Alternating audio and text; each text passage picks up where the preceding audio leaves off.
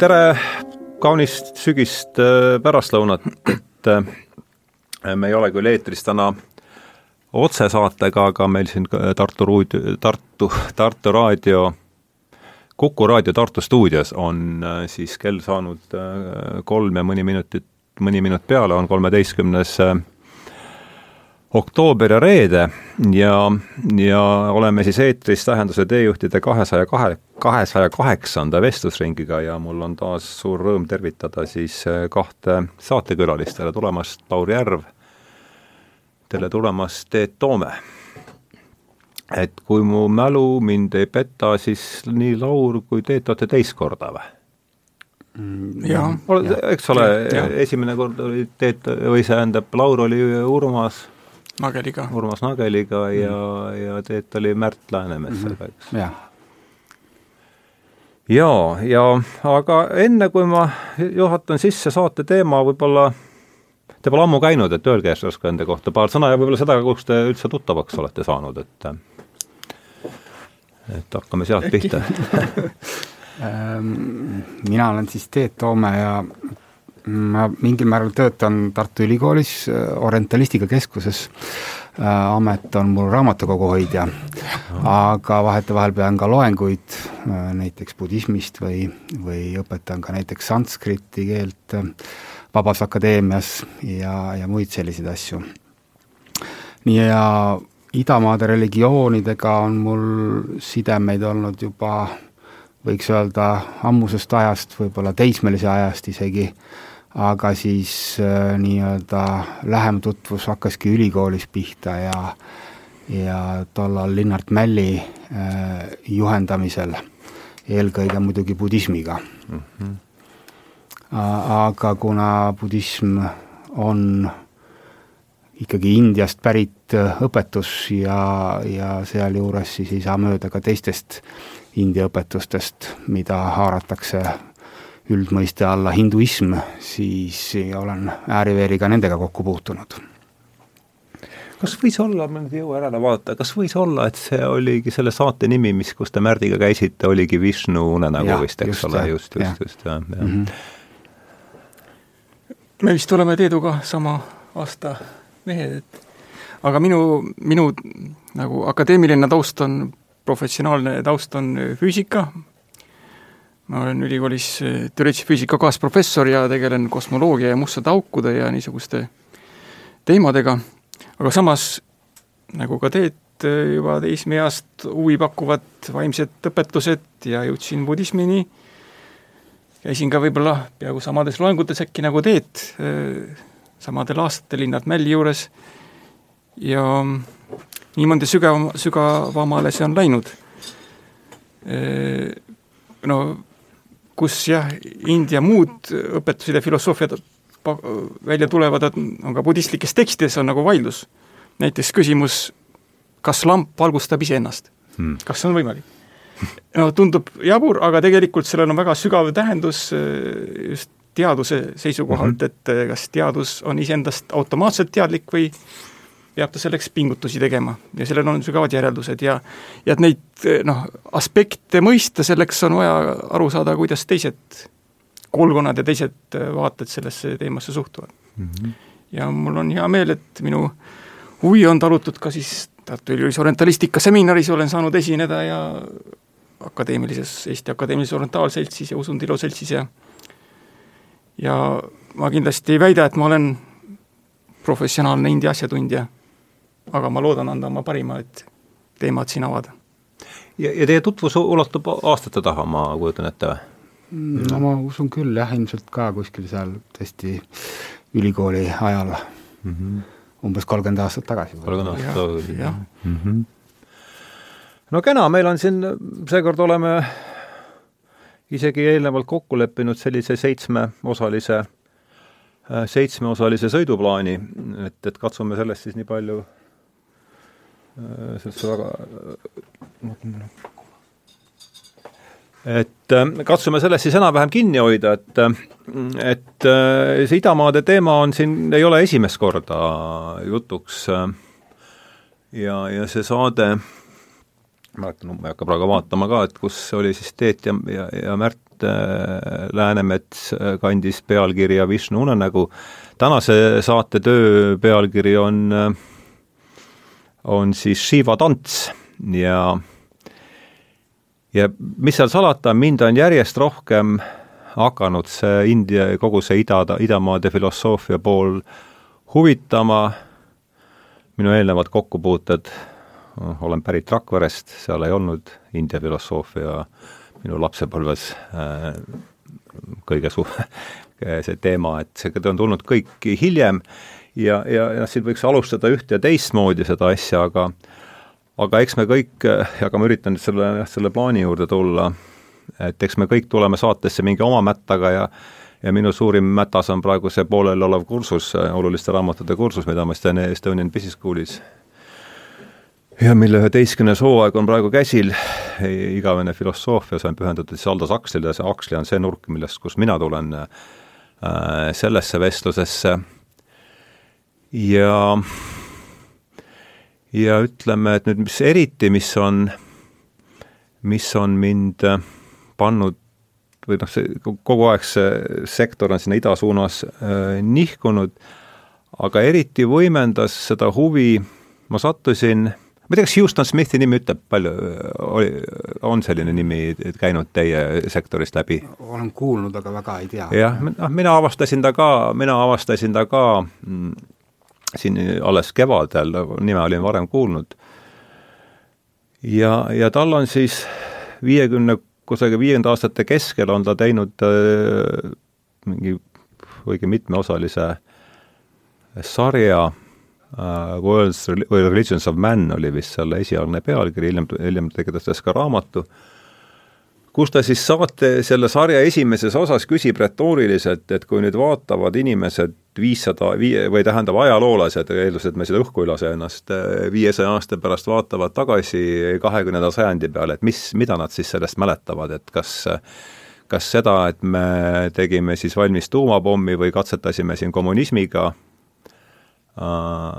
sajandi esimesel poolel aga vastab ta siis sellele eitavalt ja ütleb, et see, millega kahekümnenda sajandit, millega kahekümnendat sajandit äh, jäädakse või see, mille tõttu kahekümnendat sajandit jäädakse meenutama, on see, et siis ju sattusid või kohtusid ida ja lääs teineteisega esimest korda nagu mitte ainult kas siis, mis oli significant või niisugusel olulisel määral ja nagu võrdset, võrdsetena, et mis te sellest, hakkame sealt pihta, et mis te sellest mõttest üldse mis te sellest mõttest üldse arvate ja, ja vaatame siis, kus see jutt veel edasi läheb. jah, okei okay. ähm,.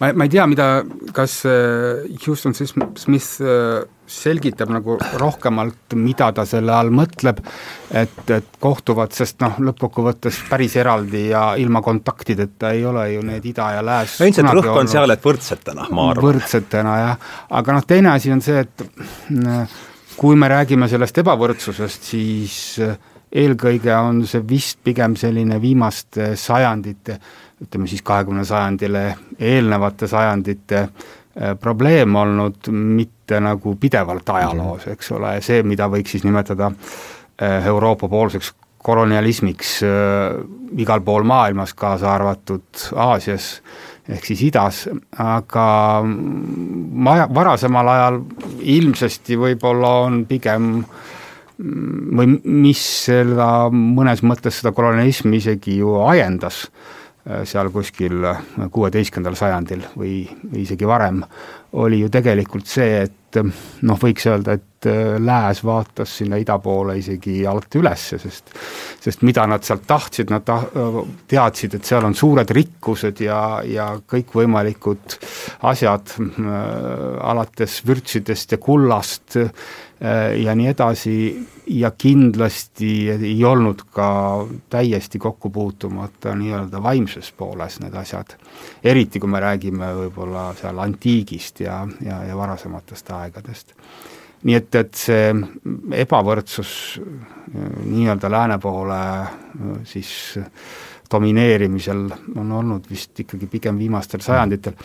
teine asi on nüüd see, et kui me räägime kahekümnendast sajandist, minule isiklikult tundub siiamaani, et see tasakaal ei ole siiamaani taastunud, vaid et vähemasti lääne poolt vaadates on endiselt tegemist suuresti sellise eh, Euroopa-tsentrismiga või, või läänetsentrismiga, siis sest noh, kui me vaatame näiteks meie kas või Eesti ajaloo äh, neid äh, kavasid koolis ja ka ülikoolis või kirjanduse rääkimata filosoofiast, äh, neid kavasid, religioonid võib-olla on ainukene asi, kus asi on natukene paremini.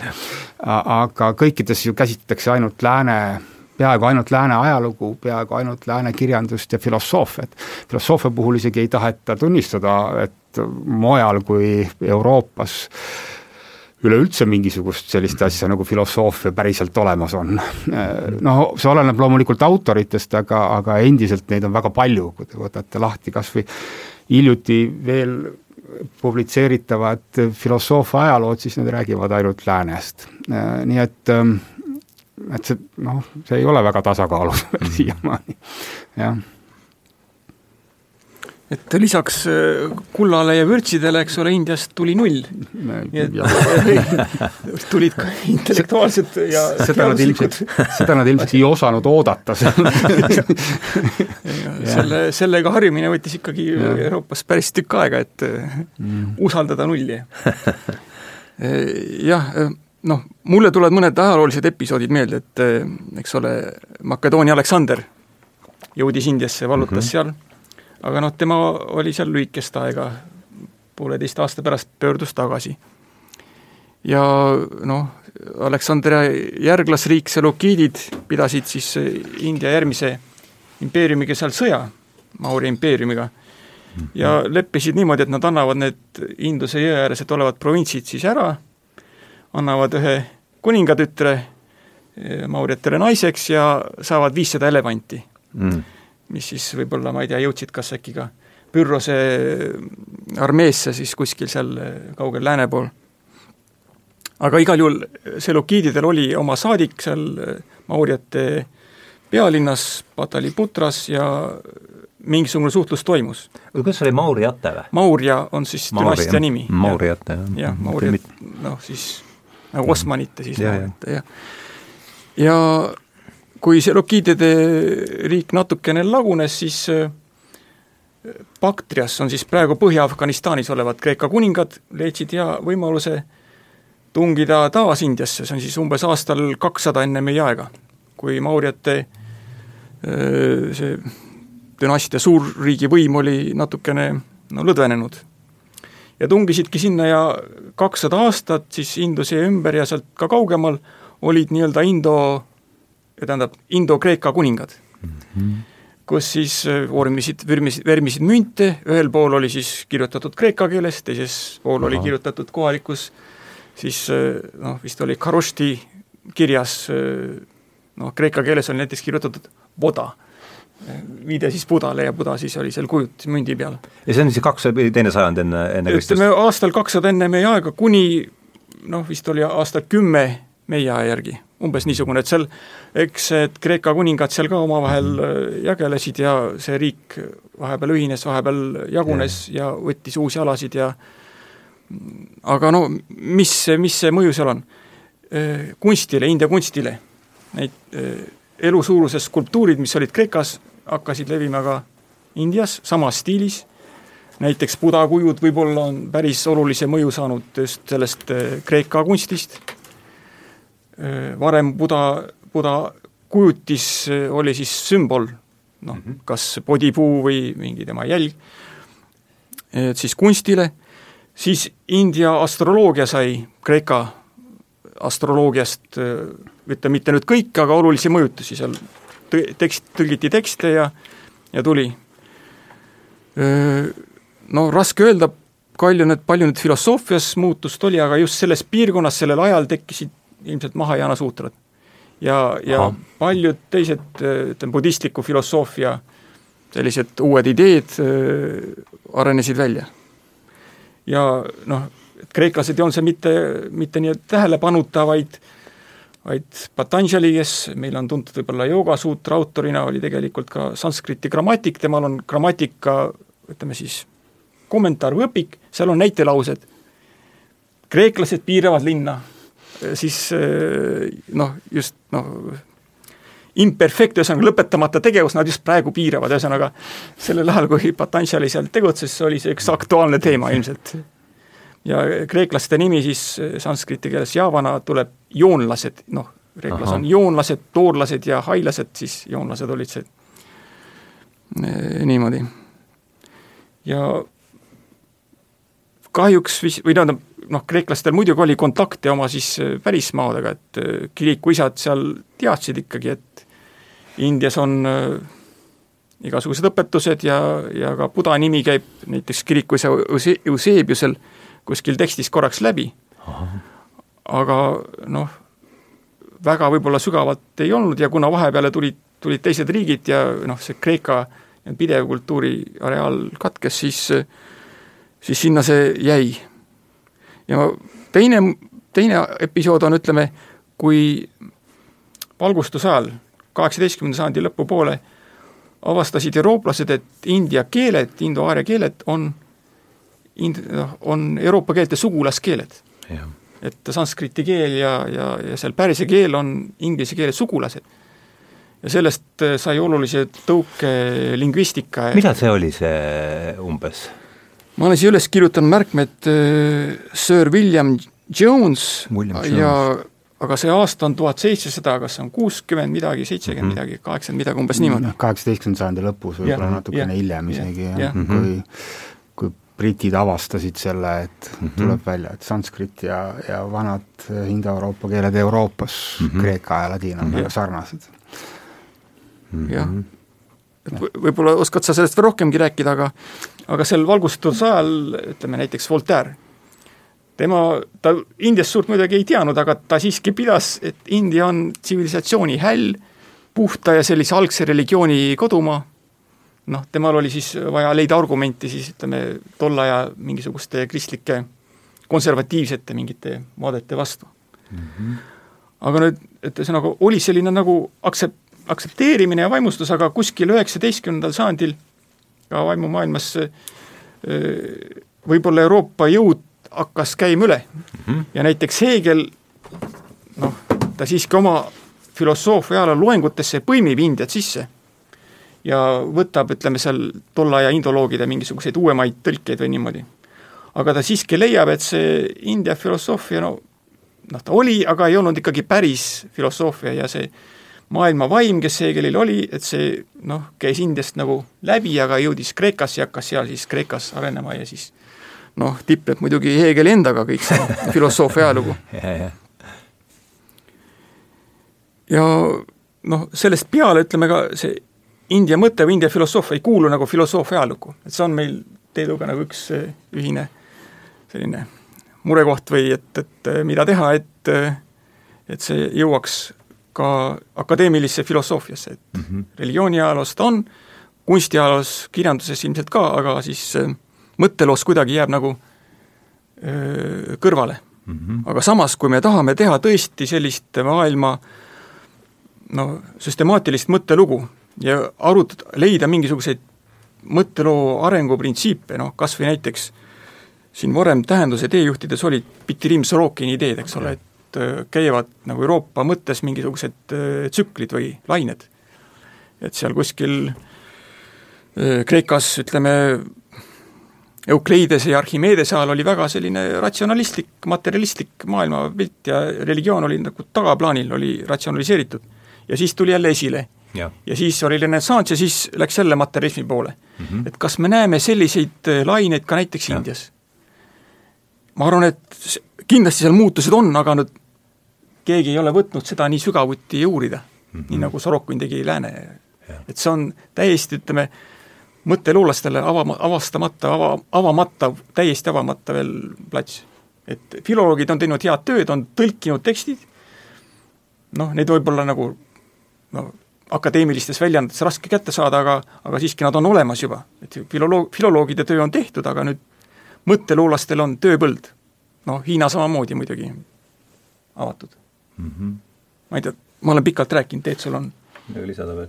põhimõtteliselt me räägime siin äh,, hakkasin ka mõtlema, et mida see, mida siis Houston Smith võis mõelda, et et ma saan aru, et üks äh, mu Teedu vastust või arutelu kuulates, et põhimõtteliselt ta võib öelda, et ta räägib koloniaalkorra lagunemisest, eks, äh, ja, ja ja hiljuti ma avastasin ka sellise mõiste nagu koloniaalepistemoloogia, et, et kui laguneb koloniaalkord, siis tõenäoliselt laguneb ka see, eks mm., ja, ja et noh, ma kujutan ette, et suhtumine üheksateistkümnenda sajandi alguses oli see, et kuivõrd meil on, kuidas see Hillary Belloc ütles vist seda, et meil on Maksimi kuulipilduja, aga neil ei ole. ja sellega on meie epistemoloogilised arutelud ka, ka lõppenud põhimõtteliselt vist. Äh, võtab selle asja kokku kenasti. Aga teine punkt, no mina ütlesin, ma tulin, ma ütlesin ennist siin, et ma tulin sellest nurka või sellesse saatesse oma mättaga ja see on siis filosoofia perennis ja, ja ma lõikasin siit meie kanali klipile või tähendab, meie kanalile ühe Huxley klipi tema loengust, loengusarjast pigem What a work, what a piece of work man is. ja ma tsiteerin teda siin ja, ja siit me hakkame nüüd siis seeläbi hakkame liikuma äh,, hakkame liikuma sellele teemale lähemale, kõneleb siis Huxley. idamaade filosoofia ei ole, nagu ma ütlesin, spekulatiivne, vaid eelkõige praktiline see kujutab endast transcendentaalsete tegevuspõhimõtete kogumikku, ta ütleb trans-, it's a kind of transcendental operationalism, ma tõlkisin teda niimoodi, et see võib olla ka teisi võimalusi. see kinnitab, et teatud harjutused toovad endaga kaasa teatud meeleseisundid. Nende meeleseisundite olemust tuleb uurida spekulatiivsete meetoditega. Ja kui me seda siis teeme, siis ütles nende meelte, meeleseisundite spekulatiivne analüüs viib meid aga just sellele järeldusele, sina oled too tatvam, tatvam maasi ja mis siis tähendab seda, et see ütleb, et viimase instantsi mina, mis on meie fenomenoloogilise ego vundament, on identne universumi jumaliku põhjaga, et siin on päris palju kaalukad teemad on kohe varsti laual, et eks me tuleme, peame seda ilmselt natuke tagasi tulema, aga aga kõik see Atman ja, ja Brahman ja, ja, ja kogu siis selle noh, see filosoofia brennis ütleb ju seda, et et äh, nii vähe, kui mina sellest nüüd aru saan, et et kõik, kõik relig-, kõik maailma suured religioossed traditsioonid on mingid, kasvanud välja mingist ühtsest sellisest müstilisest maailmatunnetusest ja nad üritavad siis oma oma keele ja, ja, ja kultuuriruumis seda kuidagi mingisse, mingisse iseloomulikku märgisüsteemi äh, panna, et ega ma rohkem ei hakka siin küsimust rohkem täpsustama, et äh, märkisin sektori ära ja palun teil siis võib-olla siin kaasa arutada, et, et ida, võib-olla just see, et eelkõige, et idamaade filosoofia, väidab Huxley, ei ole mitte spekulatiivne, vaid eelkõige praktiline. ja noh, siis võib muidugi lääne õpetlane küsida, et kas ta siis üldse on filosoofia, eks et võib-olla on tegemist, praktiline müstitsism oli hea, mis me vist ütles Laur selles kirjavahetuses, käis niisugune mõte läbi, aga nii, ma nüüd jään vait. Okei. Okay., mina olen põhimõtteliselt, tähendab, vähemasti algselt selle Huxley seisukohaga väga nõus ja, ja ja see ongi huvitav, et no ilmselt äh, Huxley vist sealsamas kuskil ütleb ka, et ega see ei ole ka läänes kogu aeg niimoodi olnud, et et äh, ilmselt see filosoofia näiteks, mis seostub äh, kristliku teoloogiaga, aga ilmselt ka varasem antiikfilosoofia on olnud suuresti ka noh, kas ainult praktiline, aga selle praktilisusega seotud, et on olnud ikkagi oluline, mis selle äh, filosoofia tulemus on, eks ole, mitte, aga uusaegne filosoofia ja eriti viimaseaegne filosoofia tõepoolest tundub olevat selline, et oluline on ainult teada saada, ma teen ilmsesti liiga praegu lääne filosoofiale, kui ma seda ütlen, aga, aga mingis mõttes, et oluline on teada saada, mis on või, või võib-olla isegi kuidas on. aga mida sellega edasi peale hakata, see on nagu isegi häbiväärne sellega tegeleda kuidagi mm, -hmm. et see, just see, et kui me räägime siis meeleseisunditest või sellest, et kui jällegi ilmsesti kokku võtta seda nii-öelda idapoolset asja, äh, mis äh, jällegi, see mingit ida ei ole ju olemas, et seal on väga palju erinevaid äh, lähenemisi ja õpetusi, aga mõnes mõttes, et see lause võiks olla umbes selline, et kui filosoofia ei tee sind õnnelikuks, siis see on mõttetu filosoofia. ehk siis ühesõnaga äh, äh,, ta peab kaasa tooma mingisuguse mm -hmm positiivsema seisundi inimese jaoks. nüüd mulle isiklikult tundub, et lääne filosoofid tegelevad ka selle positiivse seisundi otsimisel, ainult et see tuleb nii-öelda kaasnähtusena, ehk siis mõnedele inimestele väga meeldib mõelda lihtsalt ja meeldib mõelda väga sügavate asjade peale ja kui sellesse seisundisse sisse minna ja jõuda tulemusteni, siis on ka väga meeldiv seisund mm. ja kas see on ainult see tulemus, mida nad taga ajavad, nad noh, et teada saada, mis on, või korrektne teadmine, vaid võib-olla nad natukene on, või võib-olla päris palju, on siis tegelikult ahjendatud võib-olla enese teadmata sellest äh, vajadusest noh, tekitada ka mingisuguseid keemilisi reaktsioone oma ajus, mis on meeldivad seisundid lihtsalt selle mõtlemise tulemusena mm. -hmm. aga see on lihtsalt minu hüpotees, võib-olla, võib-olla see nii ei ole. aga, aga tõepoolest, ja jah, ja teine asi, me peame mõtlema selle peale, et, et tõesti ida Äh, ei ole mingisugune üks asi, eks ole, ei ole, ma äh, tihtipeale ütlen, et mis ühendab Süüriat ja Jaapanit, et noh, mitte miski praktiliselt. aga mm. meie jaoks on see kõik ida ja noh, võib-olla see on see põhiline, kui me võime üldse rääkida sellest kolonialismist äh, mõtlemisest, siis see on nagu see põhiline asi, et me tahame mingisugused asjad kõik ühte patta panna, mis mm -hmm. sinna ühte patta üldse ei kuulu äh,. Et kindlasti on seal idas ja kui me räägime siis võib-olla siin natuke rohkem Indiast tõepoolest, kuna jutt on Shivast, siis äh, ka Indias väga erinevaid äh, mõtlemisi äh,, väga erinevaid filosoofia koolkondi äh, on läbi ajaloo olnud ja on siiamaani. Ja, ja kui me siia siis haarame veel juurde näiteks Hiina maailma, siis, siis asi läheb veelgi kirjumaks ja me ei, kuidagi ei saa öelda, et et see on, ähm, et seal on mingisugune ühtne asi, mida me saame ühtselt määratleda ja nii edasi mm. -hmm.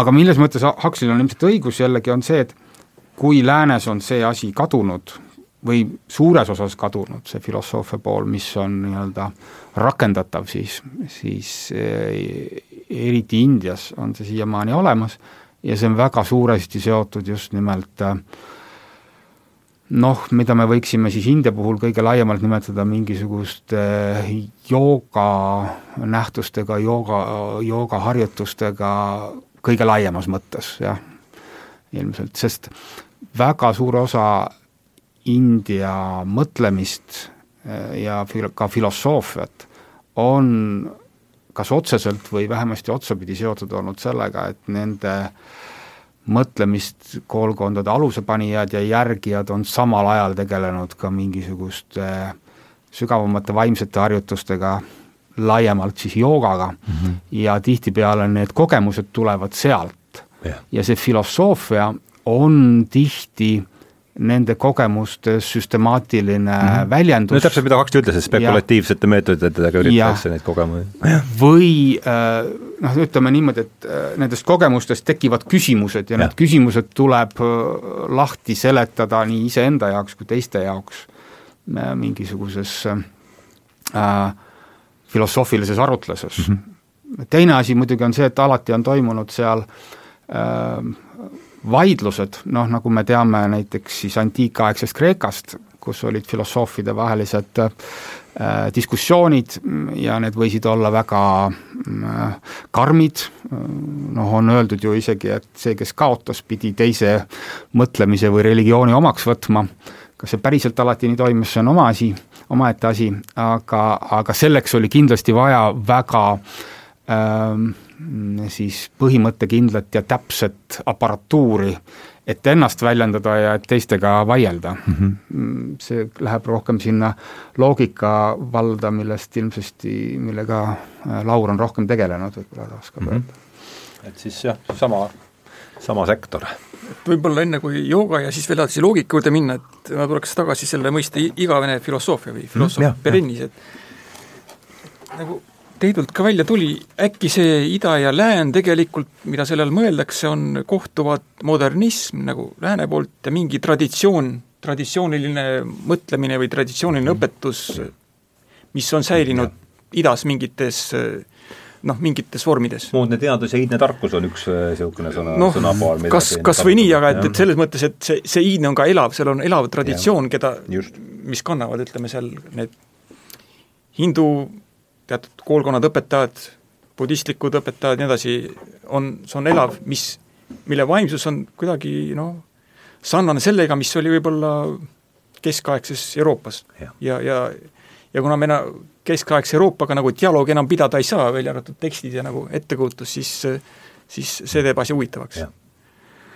et äh, igavene filosoofia, kui ma loen Huxley't, siis muidugi see filosoofia perennis, eks ole, välja antud nii edasi eesti keeles ja tore, esimene mulje on, on väga sümpaatne, selles mõttes, et me suhtume nagu paljudesse traditsioonidesse nagu noh, toome nad nagu võrdsel tasemel nagu välja esile, aga natuke süvenedes siis või süüvides, siis tundub, et see jutt on pisut ümmargune.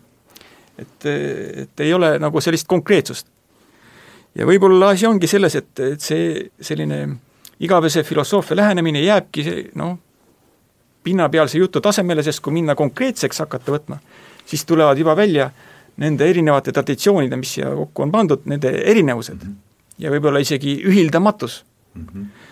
ja no siis me ei saa, siis, siis see nagu, siis see ilus pilt kaob ära. aga ma ei tea, kas Huxley nagu ise taipas, et tegelikult see, mis ta teeb, on üks üks põhiline, kuidas öelda, trende või suunavaid jõude üldse mõtteloos. et kui meil on mingisugused algautoriteedid, no näiteks, ma ei tea, neli evangeeliumit ja me peame sealt nagu leidma, täitma mingid lüngad, kus on, ütleme, no mm, püha vaim. et me peame midagi konstrueerima, et, et seal kuskil on mainitud midagi ja siis, et vastama. ja harmoniseerima erinevaid tekste. no keskplatoonikud seal vanas Kreekas juba hakkasid Platonit Aristotelest tõendama. eks ole, Aquino Toomase põhiline saavutus oli ka võib-olla, me siin väga laias laastus, eks ju, lõikama, aga, aga, aga et äh, oli ka noh, üks kristlik teoloogia, mis oli võib-olla platonismi baasil nagu arenenud ja siis tuua Aristoteles mm -hmm. ja panna need kokku.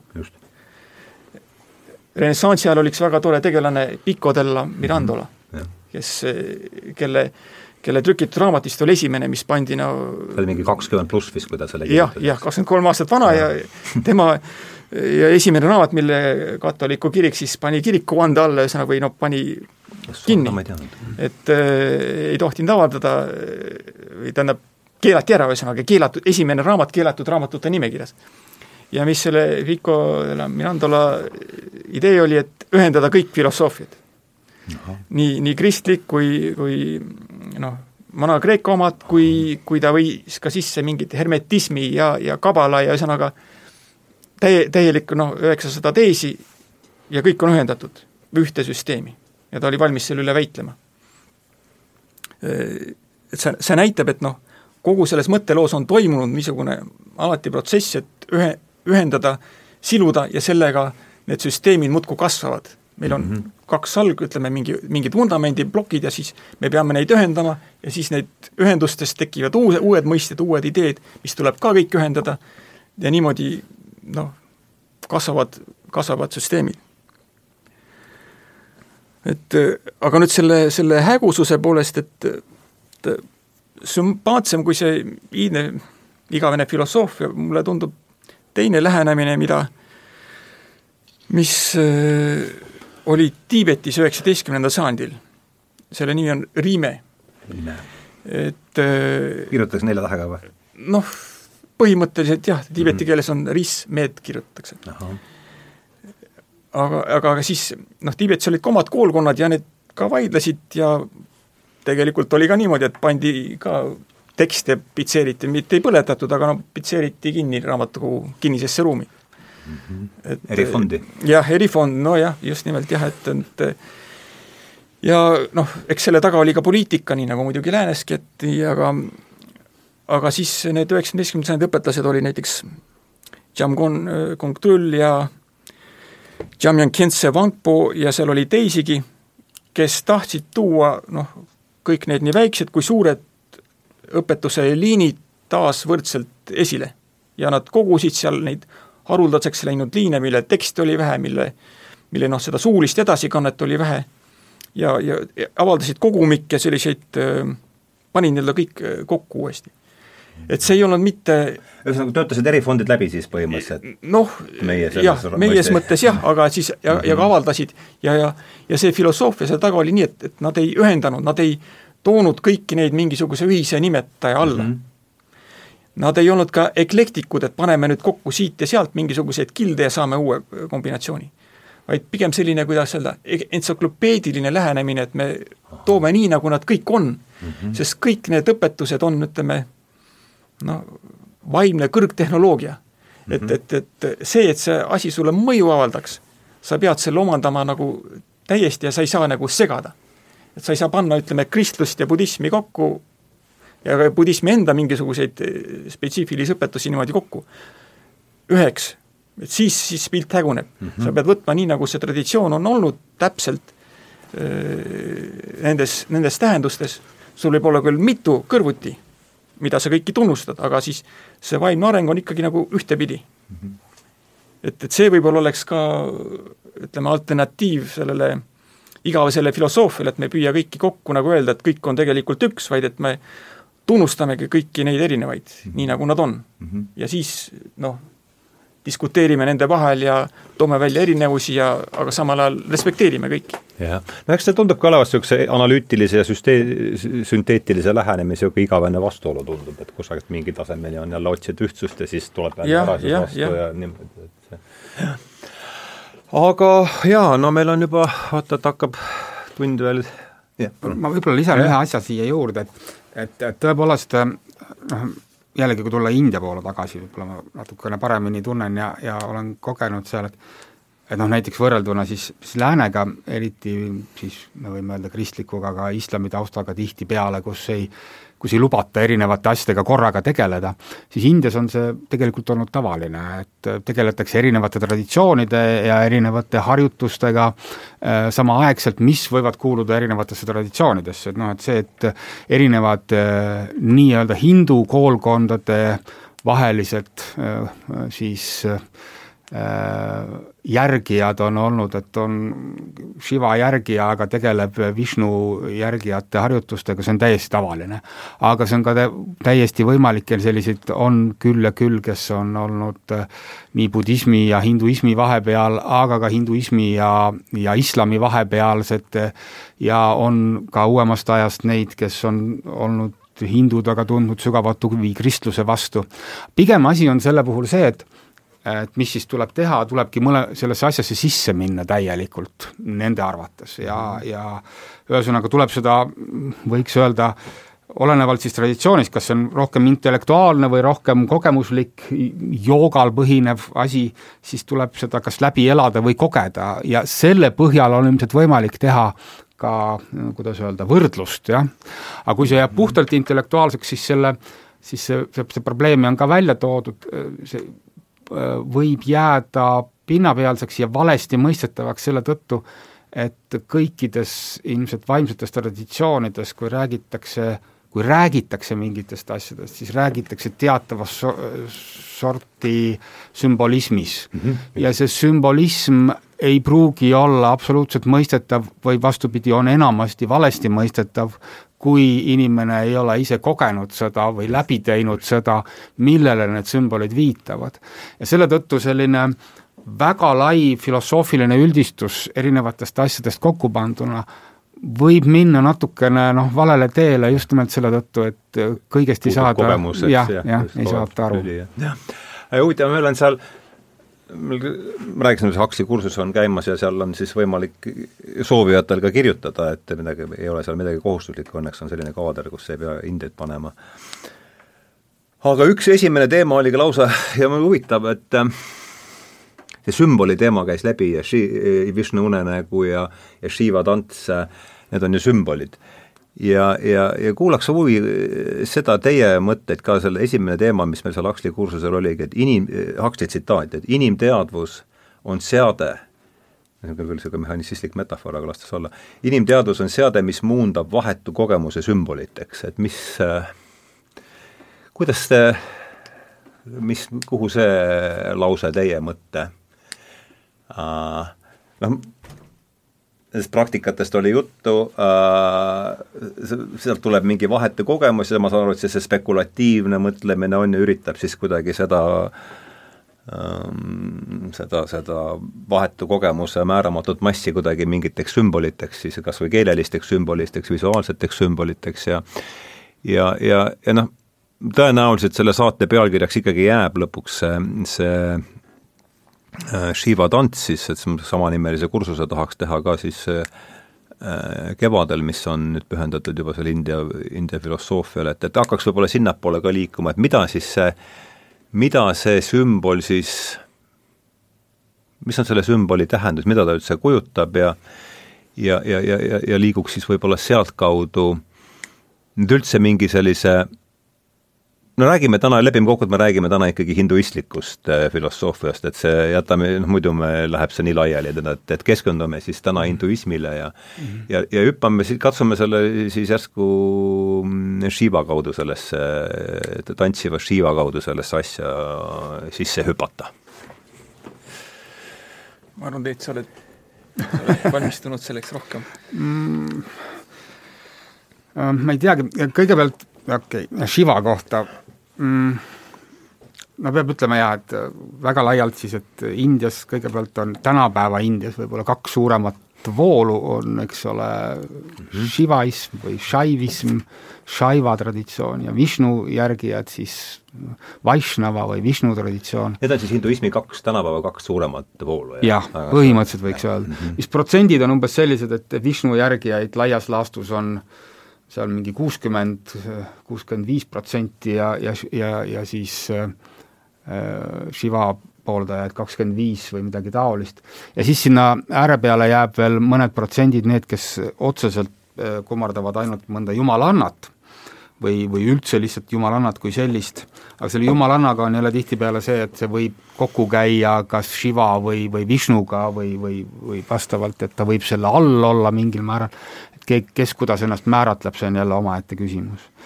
ja, ja Shiva puhul siis nüüd konkreetsemalt on see, et üks äh, Shiva selliseid tõesti äh, võiks öelda avaldumisvorme või sümboleid on seesama tantsiv Shiva või Nataraja ehk siis äh, tantsujumal või tantsu kuningas otseselt võiks öelda.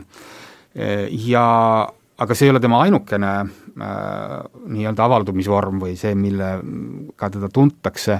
tegelikult see on vist, on suhteliselt hiline, arvatakse, et need äh, tantsiva Shiva kujud hakkavad kuskil seal mm, umbes kolmandal-neljandal sajandil meie aja järgi ah, ja võib-olla isegi hiljem muutub see nagu tähtsamaks ja, ja eelkõige Lõuna-Indias äh, just nimelt aga kui me räägime Shivast veelgi, siis noh, mingisuguste arvamuste järgi arvatakse, et mingi Shiva kultus oli juba Induse kultuuris seal kuskil umbes viis tuhat aastat tagasi või rohkem, see on küll väga hüpoteetiline, me täpselt ei tea selle kohta midagi, aga, ja siis teine asi on see, et Shivat mainitakse juba ka Veedades äh, ja tema põhiline nimi on seal Rudra, aga ka selle puhul on ruudra, si ruudra jah, aga ka selle puhul on, on noh, sellised, et, et võib-olla see on natukene eh, noh, me ei tea, kas see on seesama Shiva ikkagi. Aga igal juhul see nimi seal esineb ja nii edasi. Äh,. Aga kui me räägime tänapäevast sellest äh, Shivast, siis on ta, esinebki kõigepealt sellel kujul, et ta on joogi, ta on põhimõtteliselt see jooga kvintessents või joogide joogi, eks ole, ja Aha. ta ongi see, kes on kõrgel Himaalajas eel, eelkõige seotud Kailashi mäega, äh, kes seal istub äh, siis keskendumises ja on kaetud äh, tuhaga ja, ja nii edasi, siis loomanahkade peal istudes ja nii edasi. Teiselt sellel vastandel on, ta on perekonnapea ja kuna joogid on tavaliselt need, kes on pigem perekonnast eemaldunud ja kes äh, tihtipeale elavad sölibaadis, muidugi mitte kõik, aga, aga tihtipeale, ja näiteks äh, Shiva seda nii-öelda kolmandat silma seostatakse just sellega, et ta põletas sellega ära oma iha. Ja ta, seega ta peaks olema välja astunud kõigest sellest, mis on seotud perekonnaga ja, ja vastassugupoolega siis teisest küljest on ta perekonnapea ja tema, tema naine äh, Parvati on oluline ja tema pojad, eriti Ganesha nimeline, eks ole, kes on tema poeg, äh, ja, ja nii edasi. Ja tihtipeale nähakse just seal selles kahes vastanduses seda teatavat äh, siis šivaismi sellist paatost või mõtetki, et, et see ongi nagu vastandite ühtsus, eks ole, ja ja see ongi kahe pooluse vaheline mäng kogu aeg, mis käib ja, ja peale selle on siis see äh, tantsiv äh, Shiva, aga siis on ka veel olemas neljas kuju, milleks on see linga, mis on ju põhimõtteliselt äh, võiks öelda siis meessuguelundi sümbol, eks ole, mis tihtipeale esineb veel koos naissuguelundiga.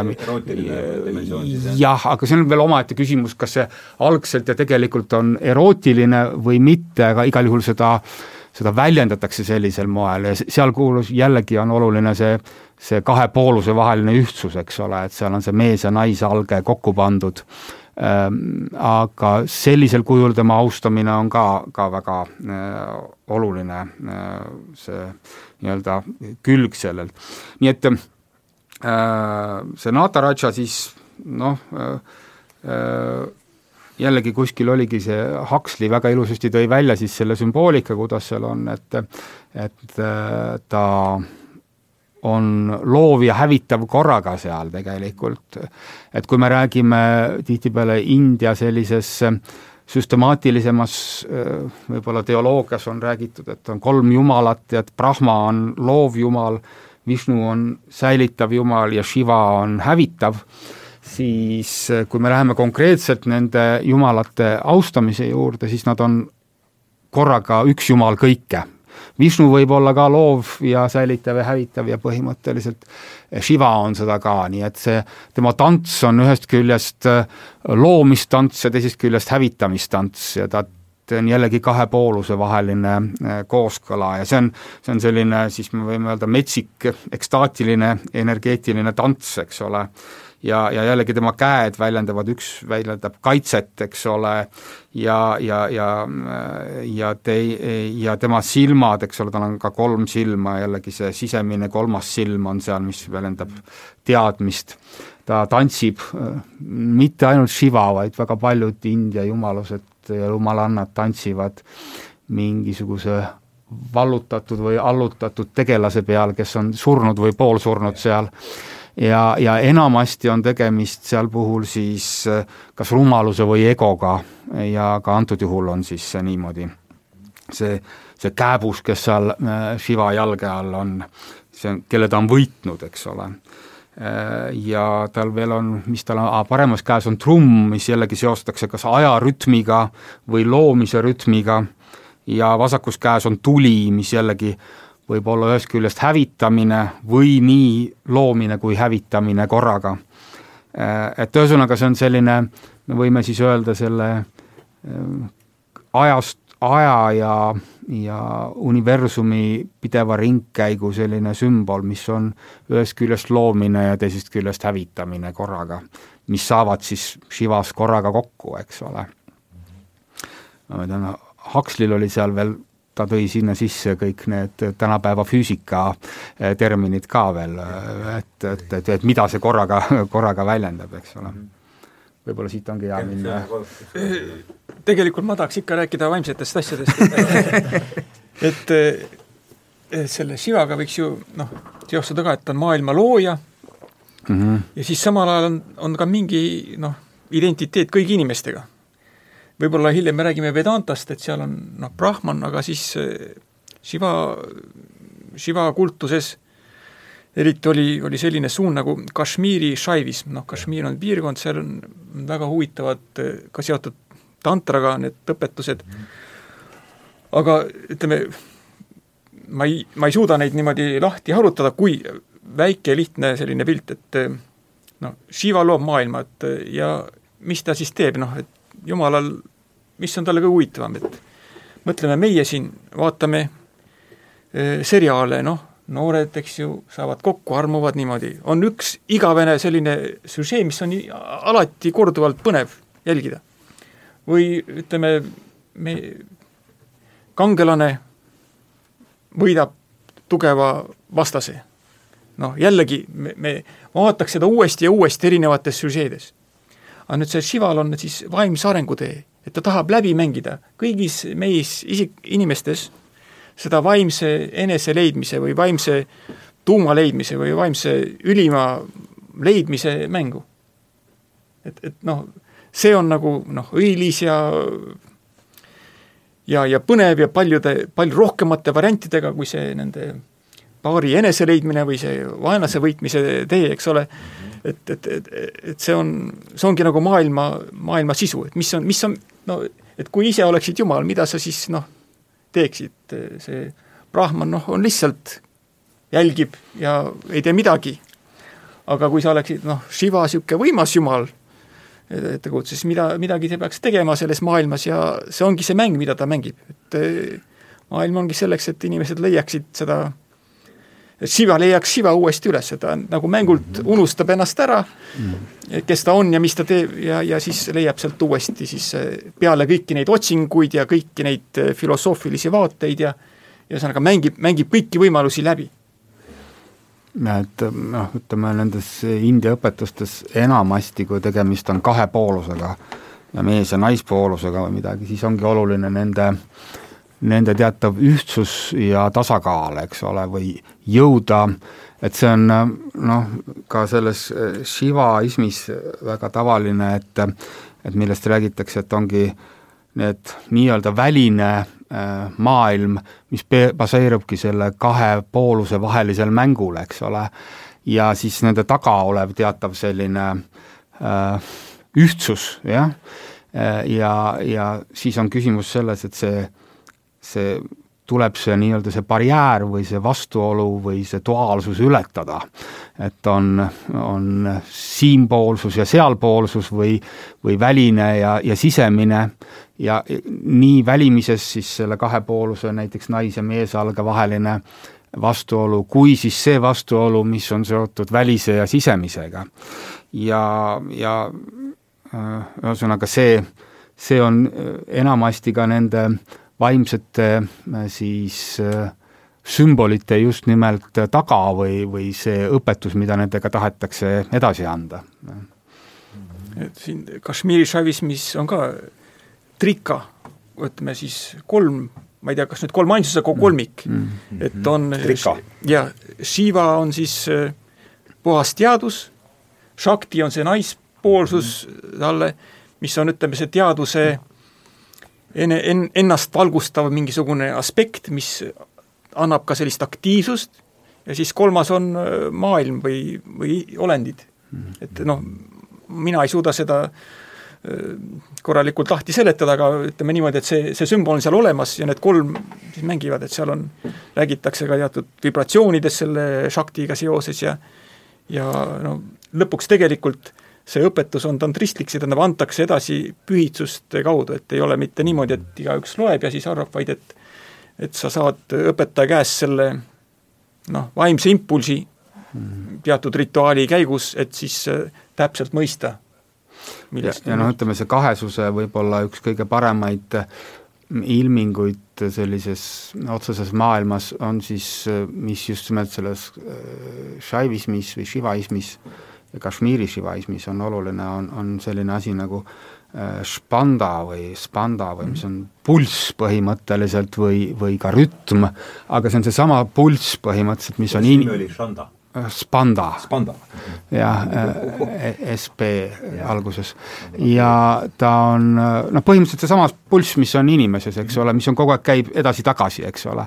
ja, ja ühest küljest ja see on ka põhimõtteliselt kaks erinevat poolust ja see on põhimõtteliselt see, see pul-, see pulss, mis leitakse olevat siis universumi alguses või sellest, kuidas universum tekkis tekkis kohe see kahesus, tähendab põhimõtteliselt, et see mingi algne alge on ilmsesti üks seal, aga sealt tekib see, kuidas ta meile igal Äh, moel avaldub äh, nii universumis kui inimeses, on tegelikult siis see kahesus, mis väljendub selles pulsis, mis kogu aeg nii-öelda fluktueerub ühe ja teise vahel. nüüd küsimus on selles, et kas see on võimalik tasakaalus olla ja missugune see rütm on ja kuivõrd äh, kuivõrd, äh, kuidas öelda, harmooniline see rütm on või ta on siis häiritud kuidagi või, või, või, või nii edasi. ja, ja, sellega tegelevad tihtipeale siis need joogid, et, et seda seda siin maailmas olevat kahesust tasakaalustada ja viia siis äh, võiks öelda kooskõlla selle algse ühtsusega nii-öelda, jah mis ajast on pärit see kas-, Kashmiri šivaism, et ma, seda, see on asi, mõiste, mida ma olen kuulnud, minu kokkupuude on väga eklektiline ja kuulsin ma seda esimest korda vähemasti nii, et meelde Stanislav Krohvilt, kes siis uuris mm., eks äh, tal oli, see on väga huvitav, et tal oli siis noh, sadu või tuleb, ma ei tea, millal ta, millal ta seda kirjutas, selleks oli sadu, võib-olla tuhandeid LSD neid kogemusi. ja ta kirjutas sellest artikli ja siis ta kuulis kellegi ettekannet äh, Kashmiri šivaismist.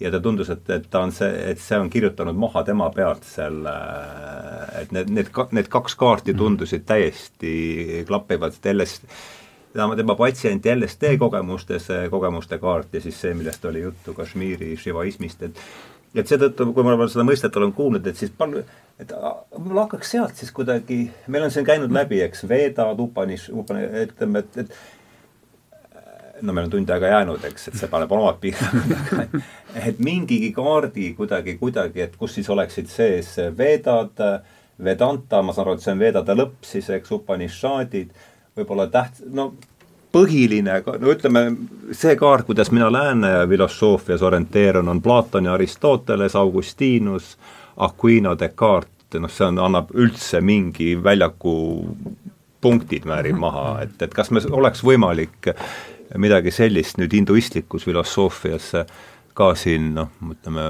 poole tunniga siis jääks pool tundi veel kokkuvõtteks, et no, no, proovime, seal on ambitsioonikas. ei no proovime jah, et, et et mõnes mõttes India see mõtteloo ajalugu käib nagu sarnast rütmi Euroopa omaga, et et oli Delhi ajastu mm, -hmm. kuskil ütleme aasta noh, viissada enne meie aega, kus oli Buda ja siis Mahavira, kellest, äh, kellelt tuli džainism ja seal oli hulk teisi öö, äh, õpetusi, siis metsaärakuid ja, ja mm -hmm. selliseid kes ka siis muidugi suhtlesid õukondadega ja pidasid seal dispuute. kuidas oli see džainismi alus? Mahavira. Mahavira, jah.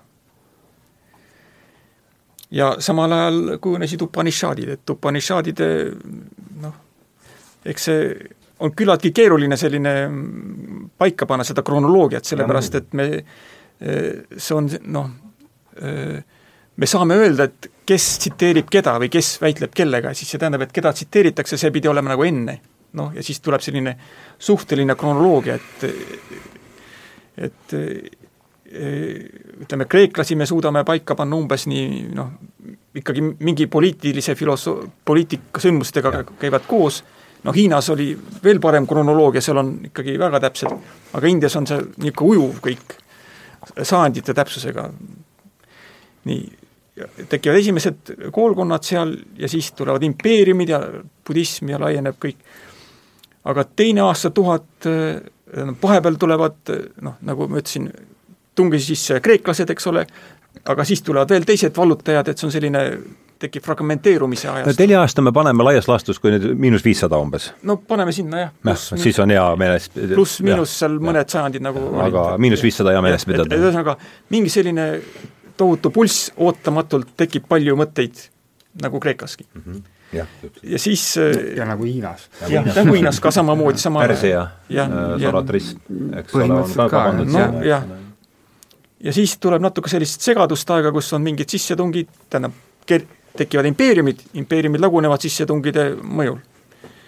ja tekib natuke segadust ja siis, kui Euroopas võttis nagu sellest ülesaamine tükk, tükk aega, sajandeid, siis äh, Indias uued impeeriumid on juba ütleme, ma ei tea, kas on aasta kolmsada meie aja järgi ja Guptad mm -hmm. impeeriumid ja siis äh, sellise stabiilsusega tekib ka kuidagi uus vaimne kõrgaeg, et seda India filosoofia kuldaega saabki siis ütleme, nimetada kas aastast kolmsada meie aja järgi kuni ütleme noh, ma ei tea, kaheksasada meie aja järgi, mingi selline periood, kus ütleme, see kõige suurem tipp on kuskil aastal kuussada, seitsesada, kus on siis äh,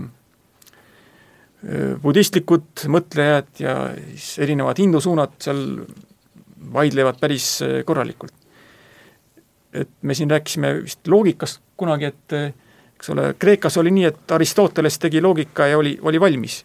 kuigi stoikutel oli vist mingi oma süsteem, millest palju ei teata ja võib-olla oli neid veel. Indias areneb loogika natuke hiljem, ütleme seal esimese aasta tuhande meie aja järgi siis kuskil alguses, noh, formaliseeritakse, kuidas formule-, panna paika süllogism. et meil on mingi eeldus, mingi teine ja siis kuidas tuleb järeldus. Ja see käib natuke teistmoodi, teise struktuuriga kui Kreekas, aga põhimõtteliselt annab edasi sama asja. ja, ja see nüüd siis, siis areneb, et see areneb tasapisi ja peab ütlema, et siis budistid teevad seal olulist tööd, Ignaga ja Dharmakirti on kaks nime, kes veel täpsustavad, noh, paika paneme neid kuskil kahe aastasse viissada meie aja järgi. Ja see, et on olemas siis äh, loogika, loogika alused, loogika alused, äh, jah, äh, no ühesõnaga mitte ainult alused, vaid ka nagu süsteem välja loogika. töötatud mm, -hmm. süsteem tegema. see tähendab, et on võimalik pidada ka süstemaatilisi debatte mm. -hmm. ja see siis tähendab küllaltki ägedaid ka siis neid debatti ja omavahelist vaidlemist seal koolkondade vahel. et mis on India loogika omapära, on see, et et eks ole, seal on eeldus ja siis järeldus, aga kõige juurde tuleb tuua ka näited. et sul on vaja näidet, mis on siis noh, käib eeldusega kokku ja näidet, mis on nagu noh, et kus seda eeldust ei ole, siis ka järeldust ei ole, sellised kaks näidet. ja debatis on see tegelikult oluline, et võib-olla kui ise mõelda, siis see äkki pole nii oluline, aga debatis on vaja ikka tuua näide, et et see asi töötab mm. -hmm see on nagu, teeb, teeb selgeks ja siis, kui näidet tuua ei oska, on nii abstraktne, siis, siis asi on väga, ongi nagu, et kahtlane. et eks ole. ja võib-olla hiljem teeme mingi visanduse nendes koolkondades ka, kes on siis need klassikalised India või vähemalt hindu koolkonnad. aga sealt edasi no kipub olema juba nii, et hakkavad islamirünnakud ja ja sel noh, uus segaduste aeg. uus, uus hakkab nagu selli-, uusi pealetung hakkab sealt tulema, jah. et eks me võime ka mõelda, mis oleks saanud Euroopast, kui äh, tuhat viissada kolmkümmend oleks türklased Viini ära võtnud. et siis oleks meie, äh, meie see ilmselt ka tähelepanu läinud nagu selle peale, mitte, mitte siin äh, mingite kolonialismi arendamise ja teaduse arendamise peale, vaid oleks nagu siis tegelenud siis sellega. ja ja nendest erinevatest filosoofia koolkondadest jääb nagu sellises suures plaanis põhimõtteliselt Vedanta, no siis mis Upanishadide baasilt siis Vedanta tekib Upanishadide baasilt? tähendab, Vedanta jaoks Upanishadid on nagu see alus, alustekst mm. -hmm. nii. ja Vedantal siis arenevad oma, oma suunad seal, teisel, ütleme siis juba peale aastat tuhat on erinevad omad suunad, kuni, kuni, kuni noh, täna, tänase päevani või üheksa, tähendab, õigemini üheksa, üheksateist sajand võib-olla siis räägime ka neohinduism, kus siis Indial vastu, vastutaluks siis Briti kolonisatsioonil oli vaja nagu leida midagi oma. ja, ja kujundada sellist oma filosoofiat, see Vedanta noh, mingil, mingil mõttes, mõttes muutuski hinduismi siis kaubamärgiks või selliseks, et kui hinduismis enne olid erinevad koolkonnad, mis vaidlesid, siis Vedantas sai nagu domineeriv kuidas see sai, jällegi on vist üsnagi raske dokumenteerida või vähemalt keegi pole seda nii täpselt dokumenteerinud, mis, mis siis juhtus, aga selle Vedanta nagu hõlmas endasse teised ja muutus domineerivaks. aga see nüüd, see Kashmiri šaivism, see oli eraldi liin täiesti. ja, ei tuginenud mitte Upanishadidele, vaid tugines äh, Shiva tantratele, mis on noh, ütleme teised, mingid teised tekstid, mis, mis lihtsalt ilmuvad seal kuskil aastal ütleme, nelisada paiku neid ilmub. ja välja areneb see umbes aastal tuhat meie aja järgi. Afina Gupta on üks siis või kui ma nüüd õieti mäletan, on, on siis see üks suur, suur kuju seal ma, ma küsin üle, ma ei jõudnud kirjutada, et et äh, see šivaism kasvas välja mitte siis Upanishadidest tähendab, šivaism oli kogu aeg olemas, aga just see Kashmiri. See kasvas välja tantra, tantri, Shiva tantratest. Ah,, tantratest, jah, jah. Mm -hmm. et tantrad on teatud tüüpi tekstid jällegi, noh, kas me ütleme, nad on ilmutuslikud või? võiks öelda, et noh, nendel tantratel on see traditsioon, mis ei ole otseselt seotud selle noh, jällegi meie arvates põhilise äh, India traditsiooniga, mis on seotud veedadega, siis Upanishadidega ja nii edasi. see tuleb sealt kõrvalt siis kuidagi? see tuleb sealt kõrvalt jah, ja et kui, kui siin oli juttu sellest, et äh, kõikidest nendest veedadest, Upanishadidest ja ka sellest teljeajastust, siis tegelikult sel teljeajastul ongi see küsimus, et tekib, et äh, ilmselt juba tol ajal on mingisugune selline äh, noh, ühest küljest kokkupõrge, teisest küljest ilmsesti kokkusulandumine Äh, kahe suurema voolu vahel, äh, mõtlemisvoolu ja, ja religioosse voolu vahel, üks on siis see, mis baseerub veedadel ja mida ilmselt kannavad äh, Euro-, Euroopa poolt, ütleme siit lääne poolt sisse tulnud indoeurooplased, ja teine voog on siis see, mis on ilmsesti kohaliku India algupära mis on pigem seotud mingisuguste askeetlike nähtuste, harjutustega ja ka, ja kust ilmsesti suuresti tulevad ka need, kes hiljem saavad budaks ja mahapiiraks, need tegelased mõisted karma just ja moksha ja nii edasi. ja, ja, ja ka, ja ka ümbersünd sellisel ja. kujul tuleb sealt äh, ilmselt ja, ja ka siis need jumalad, mis on hilisemas hinduismis olulised, on hoopis teised jumalad kui need, mis olid veedades uh. -huh. Need veedade jumalad on sisuliselt tänapäevaks unustatud, nendega tegeletakse ainult mõningate rituaalide käigus uh, -huh. aga isegi seal nad ei ole eriti tähtsad. et ehk siis Vishnu ja Shiva on tegelikult nii-öelda uued jumalad ja võimalik, eriti Shiva puhul on see ja eriti paljude jumalannade puhul, keda tänapäeval austatakse, et nad on just nimelt ka seda kohalikku ja mitte Indoeuroopa algupära mm. -hmm. nii et kui me räägime siin sellest, et on see, see äh, intellektuaalne ja vaimne voog, mis tuleb Vedadest ja Upanishadidest, siis on see teine pool äh,, kust tulevad äh, ka tantrad, kust tulevad äh, paljud voolud äh, ka, ka seal hinduismi sees ja nende puhul on huvitav, et, et mõned neist, eriti tantristlikud voolud, tegelikult ka veedade autoriteeti üldse ei tunnista. et noh, see on jällegi see küsimus, et kui me räägime millestki ühest asjast nagu hinduismist ja siis me tahame öelda, et seal on mingisugused asjad, mida kõik tunnistavad, näiteks et pühakiri on veedad, siis see ei sugugi ei pruugi niimoodi olla paljude, paljude voogude, voolude puhul mm. -hmm jah, aga ma lihtsalt segasin praegu seda vahele. no äkki võiks äh, tuua mingi paralleeli, kujutaks ette, et et seal antiikmaailmas Kristus ei tekkinud mm. -hmm. et olid näiteks, olidki seal ütleme, stoikud ja, ja olid. Äh, platonistid ja olid seal ja. veel noh, mitmed mm -hmm. ja noh, nende baasil siis see mm -hmm. oleks kuni praeguseni, et see oleks monoteismi ju pole, ma saan aru no, ind-. noh, ikka on ja ei ole, et seal noh, niisugust nagu abrahamlikes meie, meielaadset ikkagi ei ole, eks Platon, platonismist ja eriti neoplatonismist oleks võinud tulla ja. ju, oleks aga no ple-, ple-, mis see Kristus on platonism asjadele, ütleb Nietzsche meeldejäävalt, eks. aga et kui, kui seda, seda ütleme, semiidi alget ei oleks tulnud Euroopasse, siis oleks, oleks mm -hmm. võib-olla midagi sarnast nagu ja. Indias praegu, et ja, ja, ja, ja, olid, olid koolkonnad ja need noh, nendel olid mingid ühtlased mm, -hmm. ütleme, Homerost loeti, eks ole, kõik ju lugesid mm -hmm ja seal olid veel teisigi tekste ja ja aga siis see Kashmiri šaivismist, et, et selle, see kujuneb välja siis umbes aastal tuhat meie aja järgi.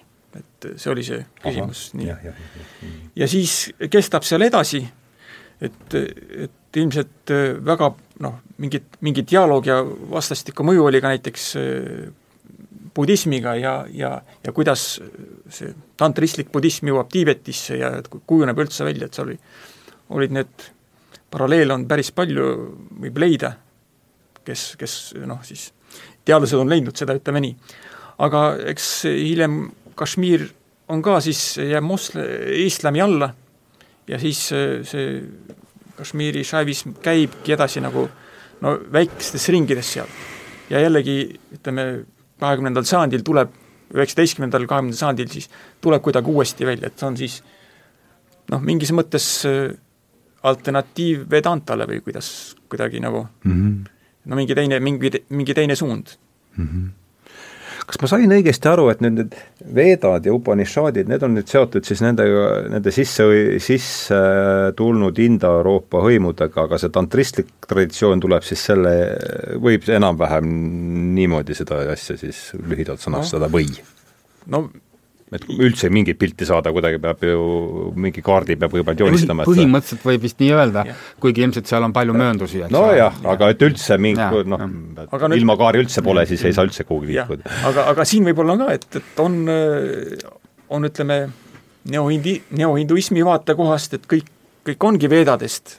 et on, on ütleme, neid, kes arvavad niimoodi mm. -hmm. ja siis see alternatiiv, et me näeme, et seal äh, oli Veedadest mingi erinev noh, alge, et see on, see on võib-olla ka nagu lääne õpetlaste poolt tekste uurides nagu rekonstrueerides seda, siis noh, ilmub selline pilt alles mm. -hmm. aga kui me räägime, see neohinduismi sõna on siit käinud paar korda läbi, et kes seal oleks kõige selline ütleme, paar nime, keda, keda siin võib-olla pärast hiljem järele vaadata?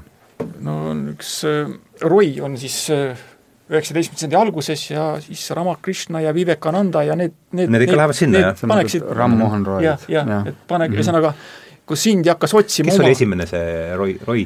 Ram-Mohan Roy on ta. jah, et noh Ram see... Mohan. Ram-Mohan, jah, eks see kõik käib kokku poliitikaga ja, ja sellise Aga, vaba, vabast, vabast ja võib-olla üks siis selle võib-olla selliseks kõige tuntumaks esindajaks võiks vist pidada Vivekanandat võib-olla hoopis, kes ja kes sai nagu läänes tuntumaks ja võib-olla selle tõttu ongi see noh, see Vedanta just nimelt nagu läbi löönud, mulle yeah. tundub. aga mis ma tahaksin öelda selle neo asja kohta üleüldse, on see, et et see vist on väga suuresti ikkagi selline ähm, kuidas öelda, ta ei ole mitte eurooplaste poolt öö, otseselt tekitatud, aga ütleme, eurooplaste tulekuga seoses tekkinud. ehk siis see, et need kohalikud indialased, kes äh, eriti seal kuskil üheksateistkümnendal sajandil hakkasid omandama ka euroopalikku haridust mm -hmm. ja sellega kaasnesid äh, euroopalike keelte oskus ja loomulikult ka siis Euroopa kultuuri tundmine ja ka kristluse tundmine ja mida nad tahtsid siis teha, mõnes mõttes seda võib tõesti nimetada kolonialismiks, eks ole, et nad hakkasid siis, või enesekoloniseerimises yeah. juba, et yeah. nad tahtsid olla samasugused nagu, nagu need isandad siis, ehk selles mõttes lei-, ja nad leidsid, et noh, mingid asjad on Euroopa kultuuris ka väärt asjad, eks ole, ja, ja noh, näiteks siis see, et on selline tõsiseltvõetav filosoofia, on mingisugune üks liin, eks ole, mingis mõttes eh, ühed jumalad, ühed pühakirjad ja nii edasi.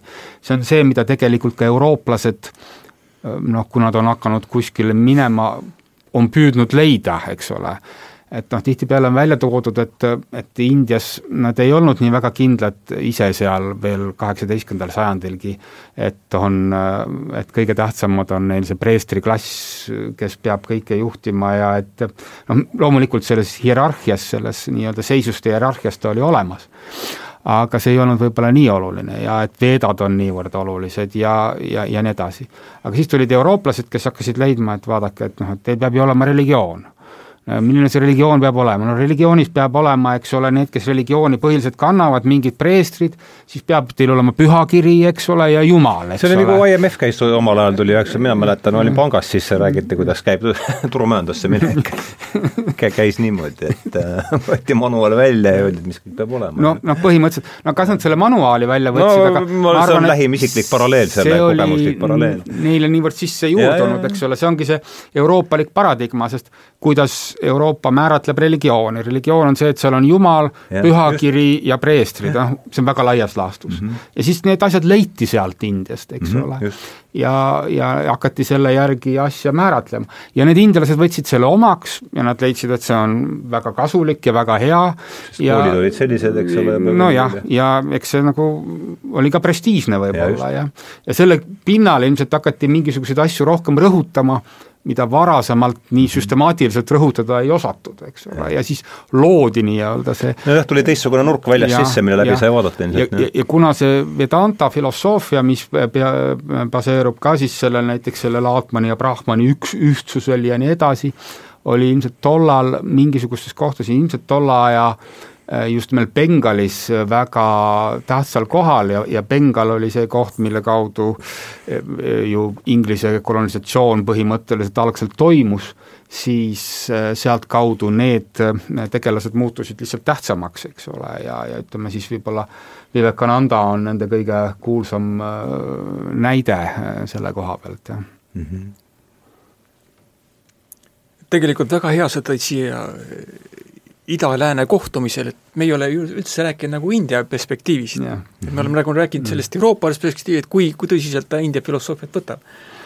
aga eks ju, India muud maailma üldse nagu ei arvestanud, ta tundis ennast nii vaimselt kõrgelt üleolevat, et ta, ta ei, et nendesse India, et kui siin Eusebius, eks ole, vähemalt mainis, et on mingid budistid olemas mm., siis Indias ei, ei võetud seda, see ei tulnud üldse nagu, ei tulnud radari pildile. Mm et noh, ja noh, budism oli siis, oli siis Indias tekkinud, siis ta oli siiski aktsepteeritud kui üks, aga et, et mingid muud või et noh, et India kultuuri areaal oli peaaegu pool Aasiat oli ju, oli mm -hmm. Kesk-Aasiasse ulatus Afganistan ja seal teised need piirkonnad, mis olid, olid noh, ka ütleme, indo-aaria keeles, et mm -hmm. türgi rahvad tulid hiljem pluss siis äh, Kagu-Aasia, Indoneesiasse kõik, et, et see, et nagu oli India kultuur mujal, see, see ka ei jõudnud sinna keskmaale mm. -hmm. ainuke, mis ma tean, et noh, budistlik õpetaja Atisha, kes hiljem läks Tiibetis, et tema käis õppimas äh, Suvarnadipal, et see on siis äh, Sumatra saarel Aha.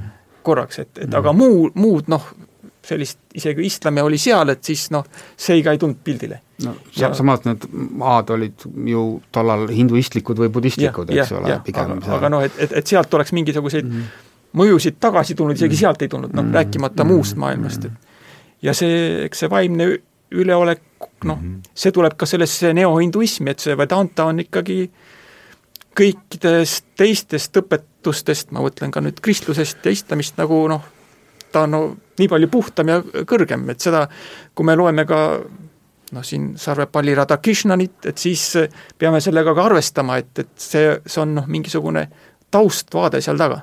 et mm. India püüab ka ennast kehtestada ja siis selle kehtestamise tagamaases on, on on ka siis see vaimne üleolek no,. Neil on oma mätas, mille pärast seda asja vaadata. jah, jah, et me, me peame mitte, nagu mitte, võtma mitte madal mätas tingimata. ja, no, ja, ja noh, see on muidugi sa tahtsid öelda midagi? et, et põhimõtteliselt ma tahtsin ka ennem juba, et see üldse, et kui me räägime mingisugusest üleolemisest ja allavaatamisest nagu lääne poolt sinna näiteks ida poole, siis tegelikult on see ilmsesti olnud ja on siiamaani kõikide rahvastel väga tavaline, et äh, ikkagi ennast peetakse kõige paremaks mm. -hmm isegi kui on teatav alaväärsuskompleks. siis seda enam. jah, ja, ja, ja noh, see on tänapäeval, tänapäevani noh, kui me siis räägime nendest suurtest äh, kultuuriareaalidest nagu India ja Hiina, et et ühest küljest nad tõepoolest ka praeguseni vaatavad, et noh, et seal läänes tehakse igasuguseid asju, mida nad ihaldavad, eks ole, äh, noh näiteks ka sedasama tehnilist progressi, eks ole, aga samas sealsama Indias nad ihaldavad küll seda tehnilist progressi ka, aga samas nad põlgavad seda. noh, muidugi mitte kõik, aga, aga paljud nendest.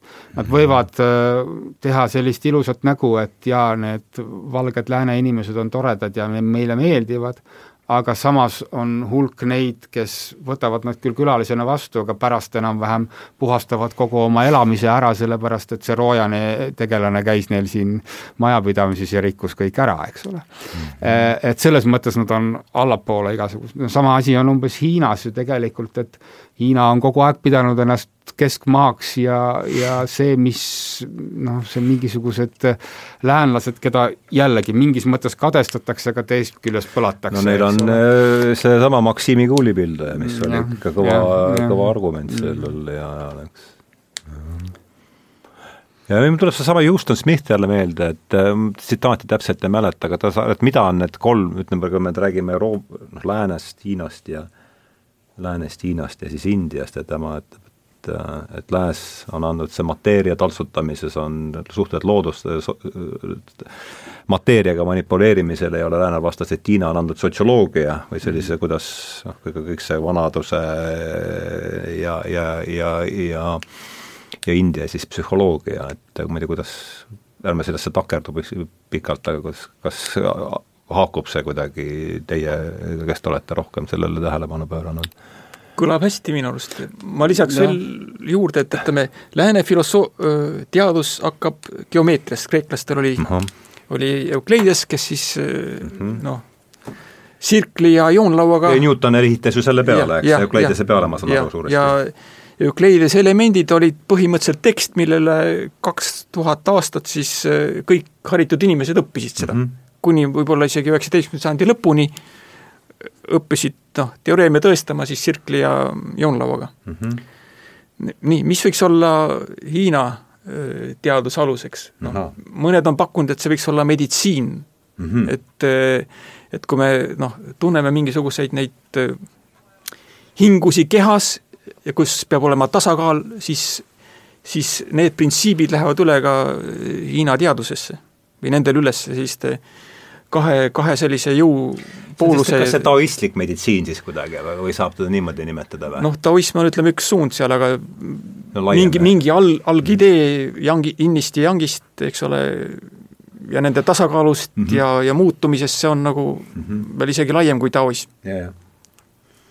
ja noh, Indias ma pakuks, et see algteos või algteadus on grammatika, keeleteadus. ah niimoodi? Et, Panini sanskriti grammatika, ma ei tea, kas on siis aastal ka viissada enne meie aega või kuussada isegi. Mm, või natukene hiljem. no, no, no igal juhul paigutatakse kuskile seal kolmandasse, neljandasse sajandisse. no igal juhul eh, grammatika oli seal varem kui Kreekas mm.. ja okay., ja no mis on grammatika, et on mingid reeglid, kuidas eh, väljendada ennast ja siis on ka erandid ja noh, väga süstemaatiliseks läheb mm. -hmm. et see läheb eh, noh, grammatika sarnane on umbes nagu, läheb sealt edasi esteetikasse, näiteks tants, kõik, kõik, kõik vähegi liigutused ja positsioonid ja. on, on ka nagu grammatika, nagu keel peaaegu.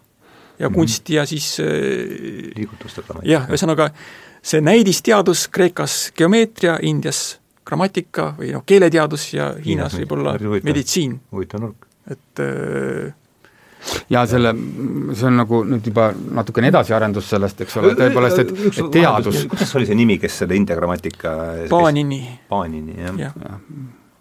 võib kirjutada samamoodi, nagu see Itaalia leib on, aga, aga aga natuke teine hääldus on, aga sellega leiab üles. Äh, aga, aga ei, mina olen sellega väga, väga nagu nõus, noh, eriti selle koha pealt, et äh, Hiina on see ühiskondliku äh, asja või nende India, või tähendab, vabandust, Hiina mõtlemise kese on ühiskond mm -hmm. ja riik. ja, ja noh, ütleme, või ütleme, perekond, ühiskond, riik, aga selles mõttes keskmiselt siis ühiskond, et see on see, millega tegelikult ju ka seal Telia ajastul ja ka hiljem äh, see suurem osa ja põhiline Äh, Hiina mõtlemist tegeles, eks ole, isegi see, see meile väga müstiline Lao Tzu, kes on taoismi üks klassikuid või põhiline klassik, tegeles tegelikult ju riigi ja ühiskonna küsimustega. Ja, ja see, et Indias on just nimelt psühholoogia, väga, väga nõus sellega, sest just nimelt, kui me siin alustasime ennem sellest, et et spekulatiivne vastus, vastandina praktiline filosoofia ja need meeleseisundid, siis see see tegelikult ei ole niivõrd mitte filosoofia või religioon, see on psühholoogia kõik. Et et see, millega tegeletakse, on just nimelt e, inimese psüühikasse süüvimine ja sellega siis toimimine väga kas siis sügavatel või kõrgetel e, tasanditel, eks ole, et noh, nad vastandina lääne psühholoogiale, kus alles viimasel ajal on hakatud ehk seda äh, avastama, aga põhiliselt on tegelenud, tegeletud selliste madalate seisunditega, siis sealne psühholoogia on tegelenud just eelkõige kõrgseisunditega või see, see, see madalad seisundid on ainult see äh, esimene aste, kust tuleb edasi minna, eks ole.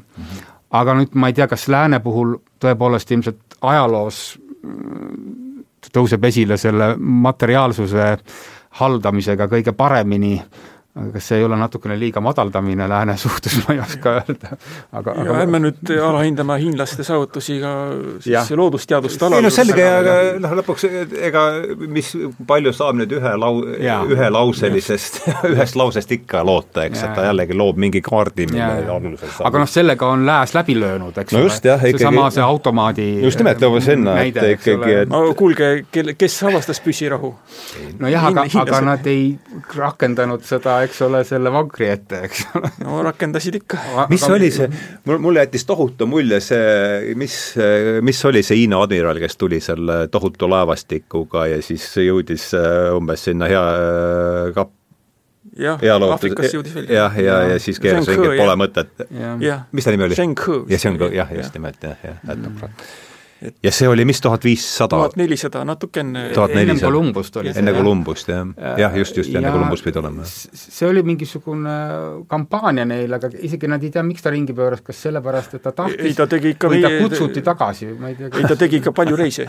ei nojah, aga ta lõpuks kaugemale ei läinud, et, et ma olen ka nagu aru saanud, et mingisugune põhjus võis olla see, et Hiina keisrite või keisrikoja poliitika muutus ja leiditi, et ja. ei ole mõtet, ei ole ja. vaja, eks ole. me rääkisime siin, me rääkisime siin enne vestlust küll Monty Pythonist, mul tuleb meelde see In the search of holy grail, kus kogu see film on ju, käib sellest, et minnakse seda Cameloti kuhugi, siis lõpuks näevad seda Cameloti ja siis ekspeditsioonijuht ütleb, et et kui ta on juba käeulatused, et et on the second thought, let's not go there, it's a silly place et ära sinna parem lähe, et seal ei ole meil midagi otsida. et see mul tuli, kuidagi tuli see me, aga äh, olen tähele pannud, et äh, huvitavas vestluses äh, läheb aeg kiiresti ja meil on jäänud siin äh, jällegi stopperiga me siin aega ei võta, aga aga pool tundi on jäänud ja ja ma tuleksin, ma otsin siit välja nüüd selle ühe ühe intervjuu, mis on minu mõtlemist siin ja need teemade valikut viimasel ajal kõige rohkem võib-olla mõjutanud,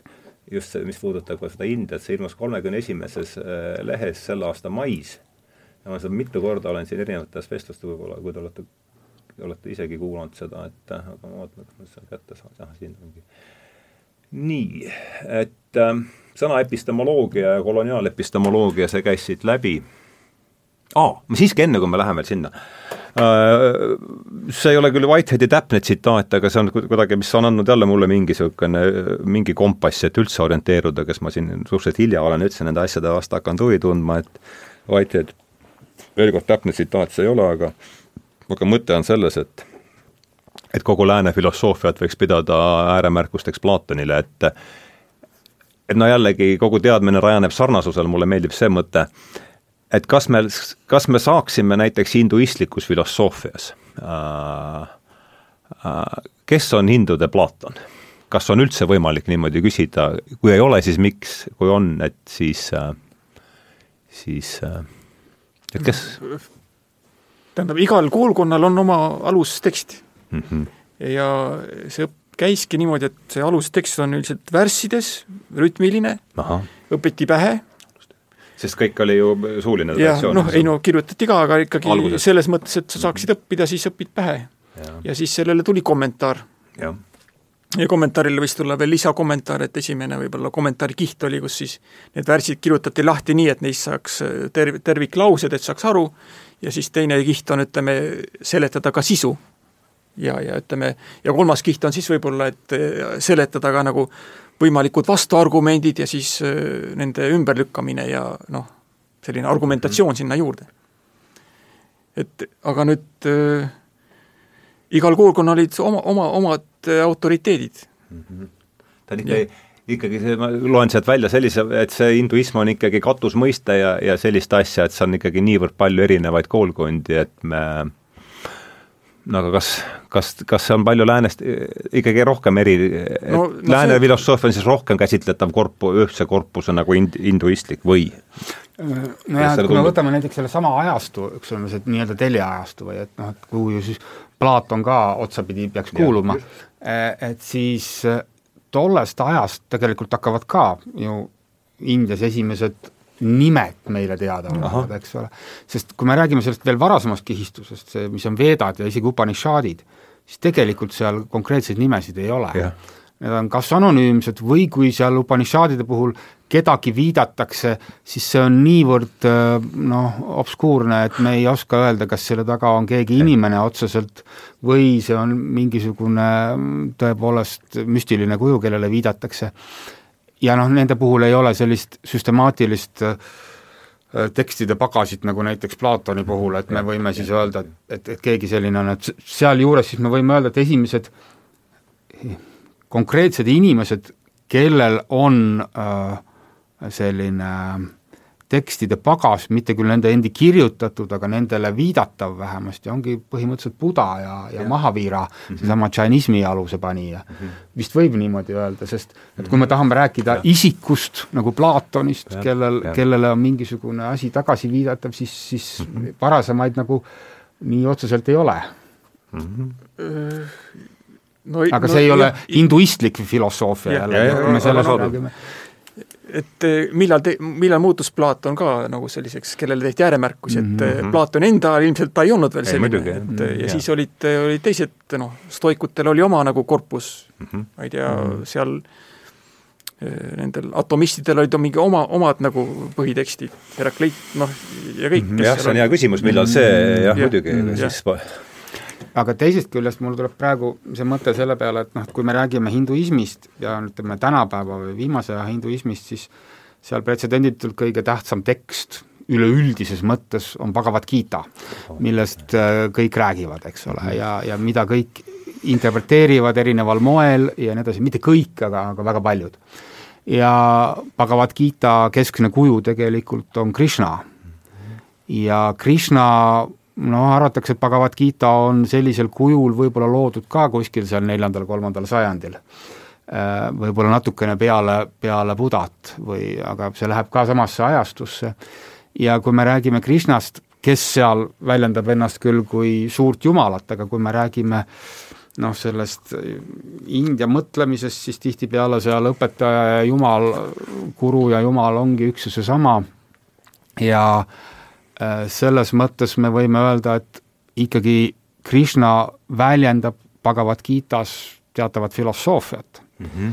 ja selles mõttes, kuigi jällegi me ei saa Krishna puhul rääkida siis antud juhul mingisugusest ajaloolisest isikust, sest me kes võis olemas olla, aga me ei tea isikukoodi, isikukoodi ei ole. aga mitte midagi ei ole teada, eks ole mm -hmm., siis noh, nii-öelda äh, Äh, ja üleüldse India ajaloos konkreetseid daatumeid Indiast endast tulenevalt ennem moslemite sissetungi praktiliselt ju ei ole. ja moslemite sissetungi me paneme mingi tuhat siis ma ei tea, tuhat ükssada, kakssada, natukene varem hakkasid pihta, aga aga kuskil seitse kuskil tuhat, aastat tuhat, jah. et äh, aga noh, ikkagi me teame hilisematest aegadest natukene inimesi ja noh, nendega kaasnevad vähemasti mingid konkreetsed legendid, mis väidavad, et tegemist on konkreetsete inimestega mm. -hmm. siis Krishna puhul räägitakse Jumalast.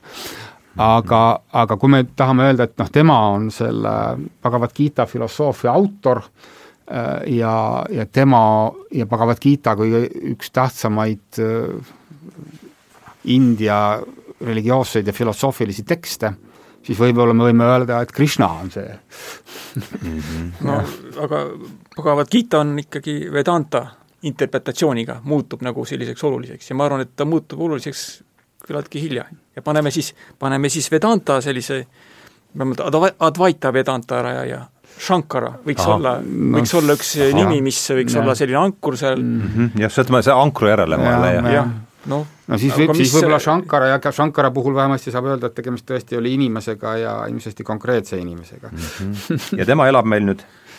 mis see on, mingi kaheksas-üheksas sajand? jah, umbes nii, jah. meie aja järgi ja,. jah, jah, jah, jah mm. -hmm.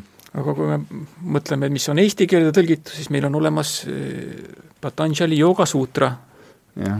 Mis asi? joogasuutra. et jooga oli siis üks nendest äh, koolkondadest, et mm -hmm. jooga on nagu üldmõiste, aga siis ta on ka üks äh, hinduismi filosoofia koolkondadest. ja see suutra on, ütleme, noh, jällegi kõigub, aga noh, paneks mingi kakssada enne meie ajaroomist ja uh -huh. umbes niimoodi mm. -hmm. ja see, see joogasuutra siis toetub ise ühele teisele koolkonnale, milleks on Samkhya. Samkhya. Samkhya, jah. Sankia, N-iga. jah, kas N-i või siis M-punktiga on need selline. seda tuleks hääldada N-ina ikkagi, sest see on Sankja, sest ja. talle järgneb K-täht. jah, ja noh, see on ilmselt varem, see on tõenäoliselt, ma kujutan ette, mingi Buda ja Mahaviraga on see selline tark kapila, kapila on võib-olla üks nimi siis, kes, kes selle Sankja filosoofiaga seondub ja nagu hilisemad koolkonnad siis kasutavad väga palju selle Sankja mõistestikku. et sellist terminoloogiat väga palju ta töötas välja mm. -hmm. ja hiljem need Sankja ja jooga noh, kuidagi sulanduvad üheks koolkonnaks, et Sankjalt on nagu selline filosoofia ja jooga koolkond toob sellele noh, harjutused juurde. ja võib-olla vahe on ka see, et, et kui Sankja oli, kuidas öelda, et ta ei, ta ei rääkinud Jumalast, ei olnud vaja Jumalat sellesse pilti siis jooga tõi sisse, et on ka olemas Jumal, noh selline noh, üks mingisugune selline haridusetapp on siis seotud Jumalaga mm. -hmm. kas see nime, see oli siis Brahman või kuidas nad seda siis Ishvara, Ishvara. noh, ma ei tea, isand mm. -hmm. aga see, selles mõttes üsna minu arust nagu meie aru saame Jumalast mm -hmm. nii tavaliselt. Et see ei ole mitte siis üks nendest paljudest, vaid ongi see, see, see päris Jumal. et jooga ja sankja oleks siis meil siis või Sankhya ja jooga oleksid üks selline suund, mis oleks selline vana suund mm. -hmm. siis kui ma neid, nendest räägin, siis, siis on veel teine selline pakett, Njaja ja Vaisheshika. Nad, jah, see on no, nimed on läbi käinud. Need nimed käivad läbi, et Njaja olid sellised loogikud mm -hmm. Ja Vaisheshika olid atomistid.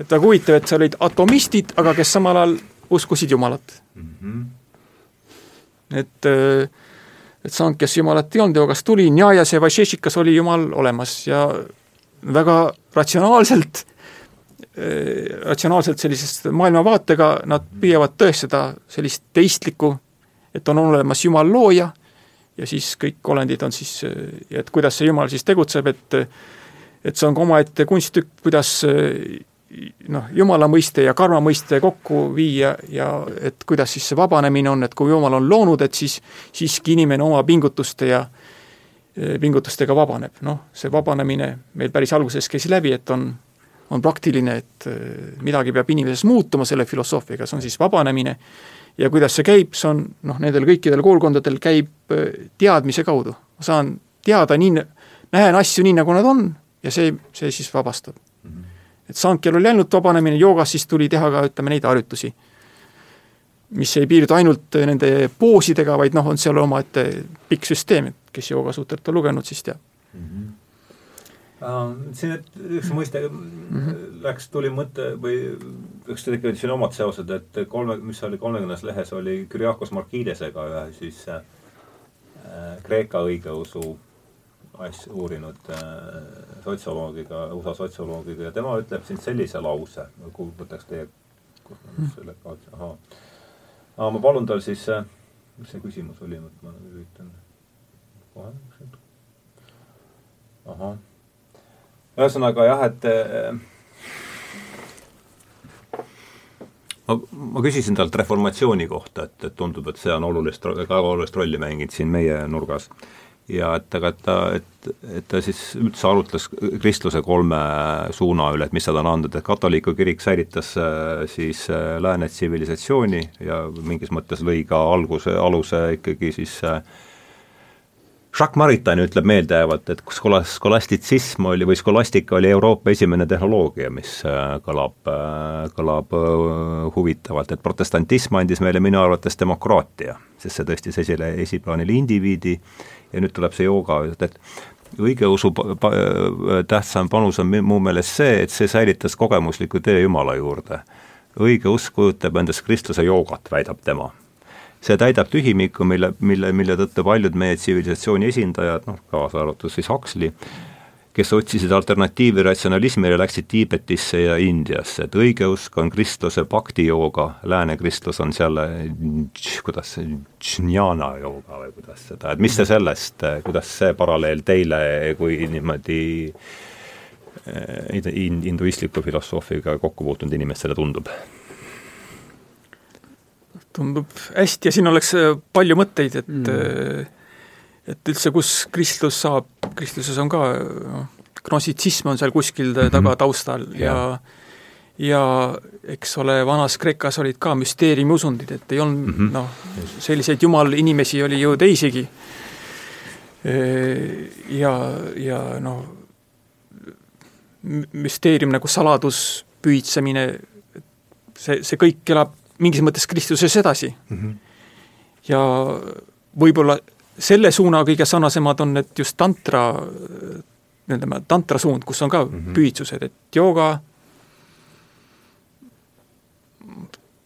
noh, et, et selle kristlikus, see, see initsiatsioon ise annab nagu sellise noh, kuidas öelda, vaimse impulsi edasi ja, ja see, midagi sarnast on siis nendes tantra liikumistes.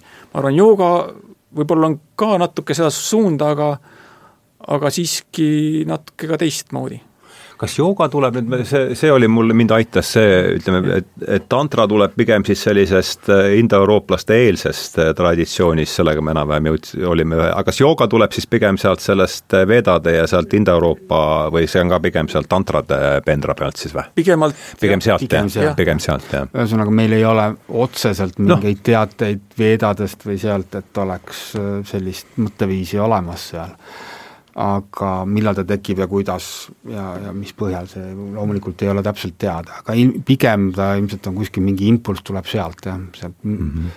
mitte Indoeuroopa kihistusest mm, -hmm. Indiast mm. -hmm. no kena. kas, kas on veel äkki aega, et ma ja, ja, on, on. ühe mainin ära, et kui meil on siin need hindu koolkonnad said äärepiir, Sankhya, Yoga, Nyaya või Sheshika, Vedanta on seal, aga seal vahepeal on veel üks Mimamsa, Mimamsa. Mimamsa jah, et see on väga huvitav, see on lihtsalt nii jällegi N peaks jah, Mimansa, jah, jah, et see on väga huvitav, lihtsalt peaks mainima mm. -hmm. Nemad püüavad tõestada, et veedade on autoriteet. aga samas nad eitasid, et jumalat. et veedade jumalad, aga need olid sellised nagu algelemendid, et seal oli noh, tuul ja tuli ja niisugused, et mhm. neid saab lugeda ka sellise sümboli tähenduses. samas nad püüdsid põhjendada, nad kasvasidki välja Veda rituaali nagu, kuidas öelda, interpretatsioonist. et me teeme neid rituaale ja siis mõjutame sellega nagu neid, ütleme siis, ürgvägesid mm. -hmm. Samas noh, ei ole Jumalat ja maailmat ei ole ka loodud, maailm on olnud kogu aeg olnud samasugune.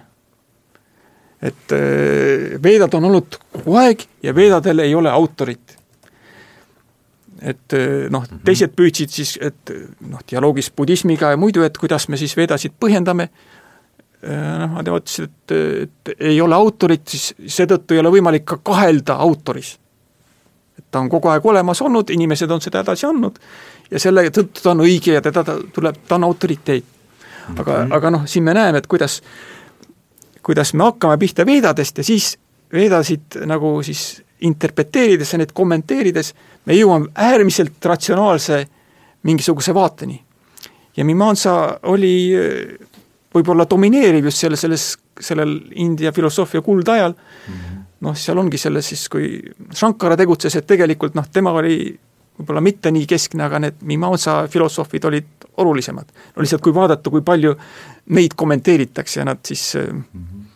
Et siin me näeme, et tuleb jälle tagasi, et, et ilmselt olid ka India filosoofias mingid sellised väga tugevad võnked, et see esimese aastatuhande keskpaik oligi selline ratsionaalne, et isegi nii, et noh, kujutate ette, et selline veedade rituaalne ja siis meil tuleb, kus me interpreteerime kõik ümber, et jumala tasemel on tegelikult ürgväed, me teeme neid rituaale, aga noh, see põhjendus on kõik niisugune, et ilma loojata ja, ja nad muidu, muide ei tunnustanud ka seda vabanemist, et et nemad kas see on siis see mokshat või? jah mm, -hmm. nad, neil, nendel polnud seda vaja mm -hmm. ja ei olnud vaba, noh, vabanemiseks ei olnud vaja žnjanat kui teadmist ja lihtsalt oli te-, jätkake, aga tehke rituaal edasi, aga muidu on noh, kõik niisugune ratsionaalne mm. -hmm. vabaneda pole vaja.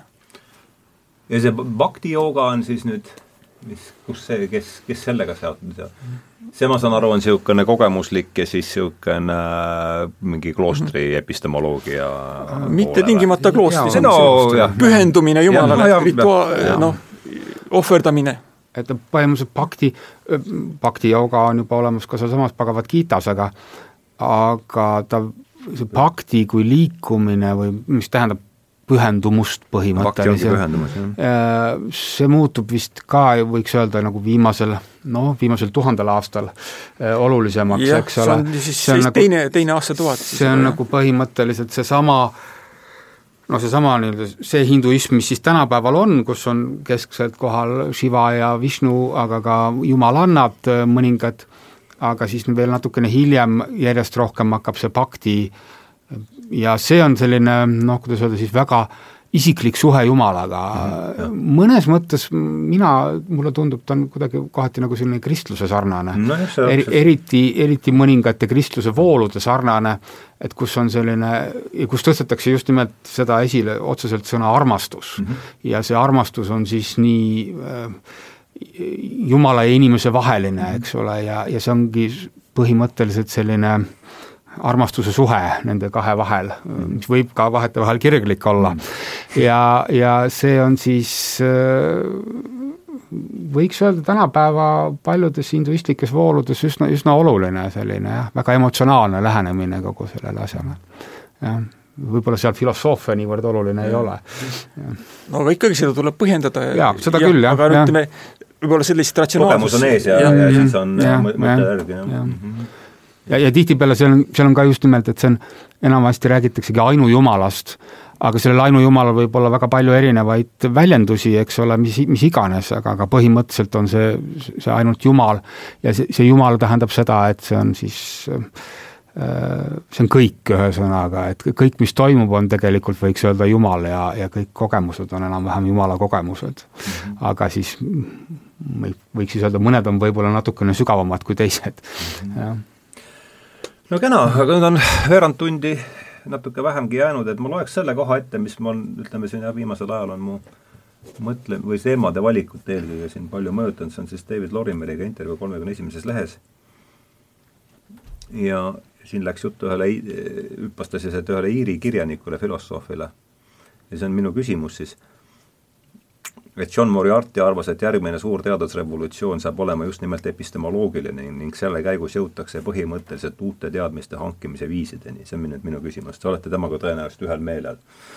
et olen küll. meie praegune epistemoloogia on võrdlemisi piiratud, see on siis nüüd vastus. põhiprobleemi on kõige lihtsam selgitada vast Püha Bonaventura kolme silmakujundi abil Bonaventura sõnul on meil meeltesilm, analüütiline silm ja kontemplatiivne silm, viimast nimetatakse lääne traditsioonis gagnoosiseks, see mõte käis siit, sõna käis siit läbi, see mängib võtmerolli surmalähedastes ja mitmesugustes müstilistes kogemustes. ja mis jätkab siin jah, et SMN-i Scientific and Medical Networki üheks, kelle esindaja ta siis on või programmidirektor, üheks kõige tähtsamaks ülesandeks ongi gnoosise ja kontemplatiivse epistemoloogia tagasitoomine lääne traditsiooni antiik-Kreeka mõtlejad ei pidanud filosoofiat kunagi pelgalt mõttemänguks, nende jaoks oli tegemist eelkõige elulaadiga. praegune ülikooli filosoofia keskendub peamiselt kitsastele keeleprobleemidele. et äh, üldiselt teie kommentaar sellele, nendele mõtetele ja kuidas see äh,, kuidas see haakub, kuidas sedasort või kuidas, ja kuidas see haakub äh, seni arutlatuga selles saates, see oleks mul, minu jaoks kõige huvitavam see mm.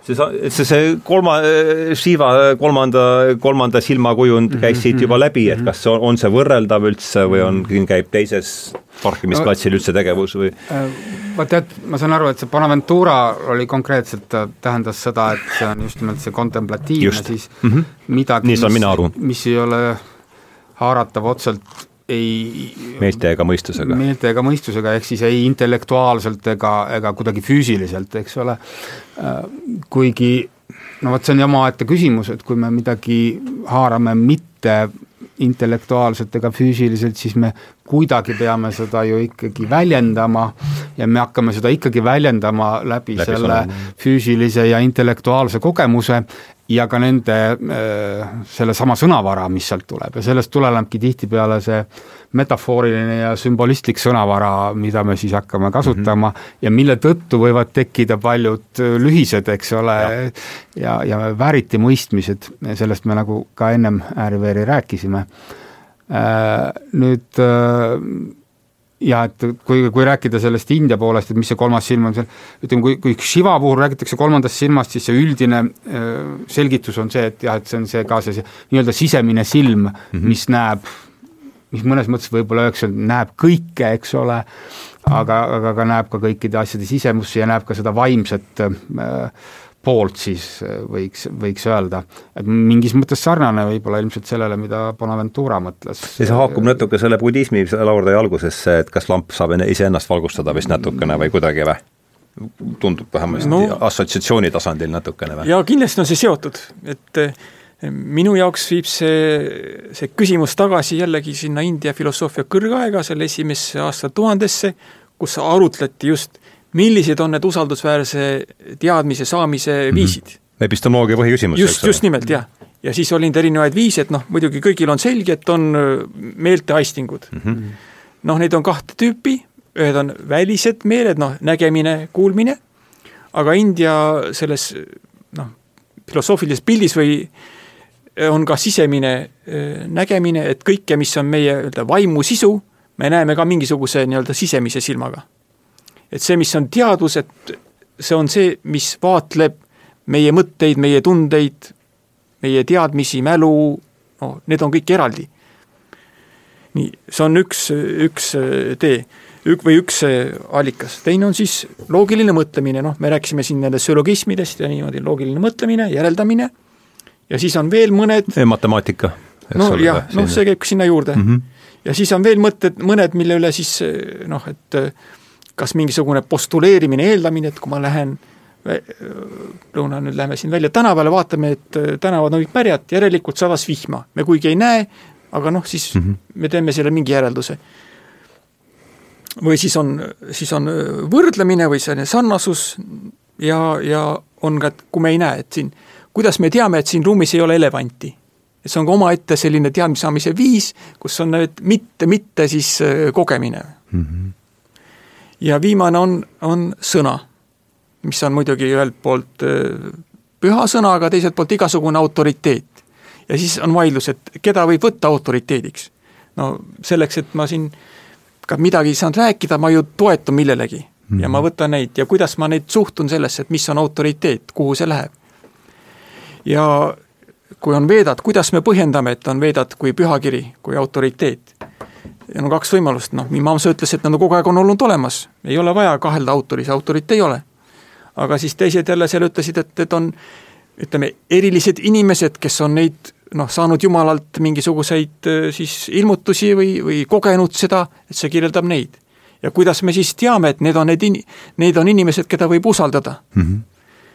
ja no ma arvan, et me ei jõua siin, siin lõpuni lahata seda, seda vaidlusteemat et mis on siis need äh, usaldusväärsed teadmisallikad et äh, me vist mainisime Dignaga ja Tarmo Kiirti, kes ütlesid, et stopp, stopp, stopp, ainult äh, meelteaistingud ja loogiline mõtlemine ja rohkem Põhimõ mitte midagi. põhimõtteliselt lääne tee nüüd ja, praegune. et noh kes need, kes need olid? Dignaga ja. Tarmo Kiirti on võib-olla siis, paneme selle nime Shankaraga sinna kõrvuti, on kaks, kaks sellist nagu Dignata ja kes oli teine? Tarmo Kiirti Dharmakirti, jah. et Dharmakirtil on suur projekt tõestada, et, et me saame budistlikke tekste usaldada. et need on üldse võimalikud, et et me, me ei, me ei võta neid aluseks, aga me tõestame, lähtudes oma siis meelteaistingutest ja loogilisest mõtlemisest, et need on usaldusväärne allikas. ja see on suur projekt. ja noh, eks teised hinduistlikud tegid sedasama. ja noh, kõige selle taustal on, eks ju, ka joogasuutrat me loeme, et kui tegeled nende harjutustega, siis hakkad nägema oma eelmiseid elusid, hakkad nägema tulevikku, hakkad kuulma, mida teised inimesed räägivad, hakkad aru saama, mida nad mõtlevad, hakkad nägema, mis kuskil mujal toimub, et, et kuidas sellesse suhtuda, see on noh, me ei suuda seda praegu siin lõpuni lahata, aga ja, see, see teema tõstatub selles ja, mõttes. tead, üks asi ongi just nimelt see kolmas silm, kui Äh, kui me räägime joogast või tantrajoogast veel eriti, siis seal räägitakse asjadest, mis on, on tšakrad ja naadid, eks ole, ja tšakrad on tavaliselt siis need punktid äh, olen, ja naadid? Äh, naadid on nagu mingisugused kanalid, kanalid, jah, aga tšakrad on siis need punktid, kus noh, nii-öelda võiks öelda energia või väepunktid inimese ihus ja erinevates kolkondades või arusaamades on neid veel erinev arv või, või peetakse tähtsaks erinevat arvu. ja, ja üks neist on siis seesama kolmanda silma äh, tšakra, mm, noh, tšakra iseenesest tähendab, võiks öelda ringi äh, või, või ratast.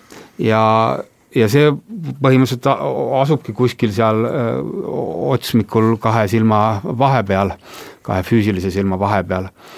ja, ja no põhimõtteliselt ta ongi seotud selle intellektuaalse osaga inimeses, võiks öelda mõistelise osaga ka inimeses, aga nüüd miks ta see kolmas silm on ja miks ta selle koha peal on, on jällegi, et sellega seal joogas ja tantrajoogas seostuvad vastavad harjutused, mis peavad siis selle, võiks öelda, noh siis aktiveerima või, või paremini tööle panema mm. -hmm. ja selles mõttes, kui nüüd siis tagasi minna selle eelneva jutu juurde, et, et, et meil lisaks sellele füüsilisele teadmisele või ja intellektuaalsele teadmisele peaks midagi veel olema siis noh, seal ongi need meetodid siis, mis peaksid mm -hmm. sellise võime inimeses noh, kuidas öelda, aktiveerima ja, ja intensiivistama.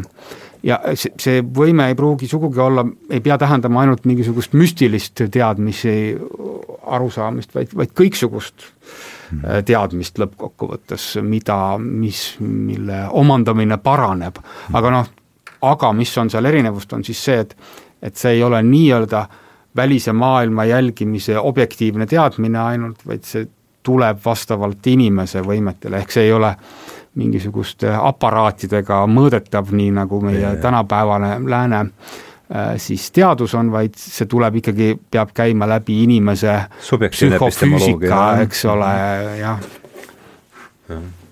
aga siin me vist saamegi nagu hea kokkuvõtte teha, et, et miks on India see mõte huvitav ma tahtsin sedasama küsimust küsida lõpule. on, on teemad, mis on läbi mõteld-, mõeldud palju sügavamalt kui läänes. et noh, kas või see, et, et, et ütleme, kuidas see, kuidas see täiendav nagu noh, noh, tunnetusviis endas avada ja ka siis vaielda läbi, et kas see on uh, usaldusväärne. ja mida see siis tegelikult tähendab, et kui need tekstid niimoodi ütlevad või lubatakse, et kas on siis uh, on see allegooria või on see tegelik, no mingid asjad on nagu läbi mõeldud palju sügavamalt. ja see, see võiks noh, tuua siis selle nagu huvipunkti, et me ei pea ainult lugema Platonit, Aristotelest ja neid kommentaare, mis on nagu sada korda nii ja läbi mõeldud, vaid et vaatame nüüd natuke ka mujale, kus on Vaadata, ming, mingid teemad, mis on pilti rohkem avardada teiste sõnaga. jah, mingid teemad, mis on rohkem läbi käidud, võib-olla on sellest kasu ka praegu. ja, ja just, just sama küsimus, et miks, et äh, sa oled tegelenud India filosoofia kõigi nende asjadega üle kolmekümne, vähemalt kolmkümmend aastat, ma saan aru, et miks, mis sa oled, miks ja mis on, mis sa oled sealt leidnud ja miks sa soovi-, noh, põhimõtteliselt see ega ma väga muud lisada ei oska, kui mida Laur praegu ütles, et ma arvan, et see on kõige olulisem antud juhul, et kui nüüd vaadata lääne perspektiivist, et, et just nimelt siis äh, pilti avardada ja, ja tõepoolest avardada niimoodi äh,, et minna selle asja sisse ja siis proovida asjast aru saada. mida tihtipeale on tehtud läänest, vaadeldes neid India või muid filosoofiaid, ja isegi kui neid on siis nii-öelda tõsiselt võetud ja filosoofiatena võetud mm, -hmm. siis äh, lähenetakse sellele äh, lääne terminoloogiast, filosoofilistest terminoloogiast lähtuvalt ja tegelikult ka ei jõuta mitte kuhugi, sellepärast et see tulemus või see, millega tegeletakse, on ainult see, et vaadatakse, et et kas see mahub selle mõiste alla, mis meil läänes olemas on või mitte, eks ole. ja kui ei mahu, siis on ebateadus. nojah, ja siis ei osata sellega midagi peale hakata, proovitakse seda kuhugi mujale veel sopitada, aga noh, see jääb ikkagi pinnapealseks ainult ja tegelikult ei, ei õpeta meile midagi mm. -hmm. Mm. tuleb meelde see üks Robert Sheldrake'i, kes noh, selgelt on minu mõtlemist siin palju mõjutanud, et et Indian philosophy has pursued every conceivable line of thought või mis siis tähendab seda, et mm. India filosoofias on kõik võimalikud mõtted läbi mõeldud, kuidas teile, mis te sellest mõttest arvate kõige lõpuks? et ka noh, ega te vastasite ju enam-vähem ka sellele juba, aga jah, aga siis me peame vaatama nagu kaugemale sellest neohinduismist, et ja, neohinduism nagu pakub nagu ühe, ühe vaate, aga me vaatame natuke veel sügavamale ja ma arvan, noh, et Teeduga ma pole päris nõus, et et need tänapäeva meetodid, et võib-olla just peaks võtma need tänapäeva tekstikriitilised, ütleme sellised analüütilised meetodid ja minema nende, minema sügavuti ja ei no, kindlasti ava, avama neid tekste rohkem.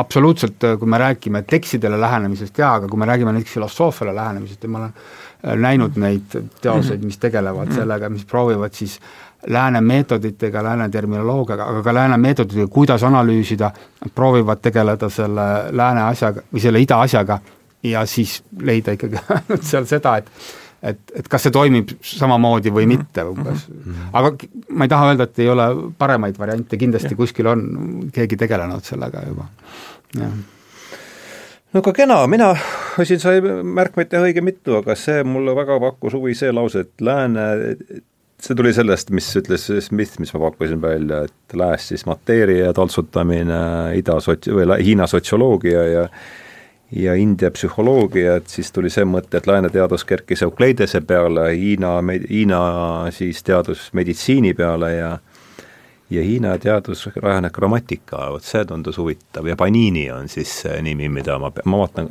alustab mm. -hmm aga no ei jõua teid ära tänada, äh, Teet Toome, Lauri Järvet, leidsite kaks tundi aega tulla, see on suur kingitus meile kõigile ja, ja suur, suur aitäh teile mõlemale.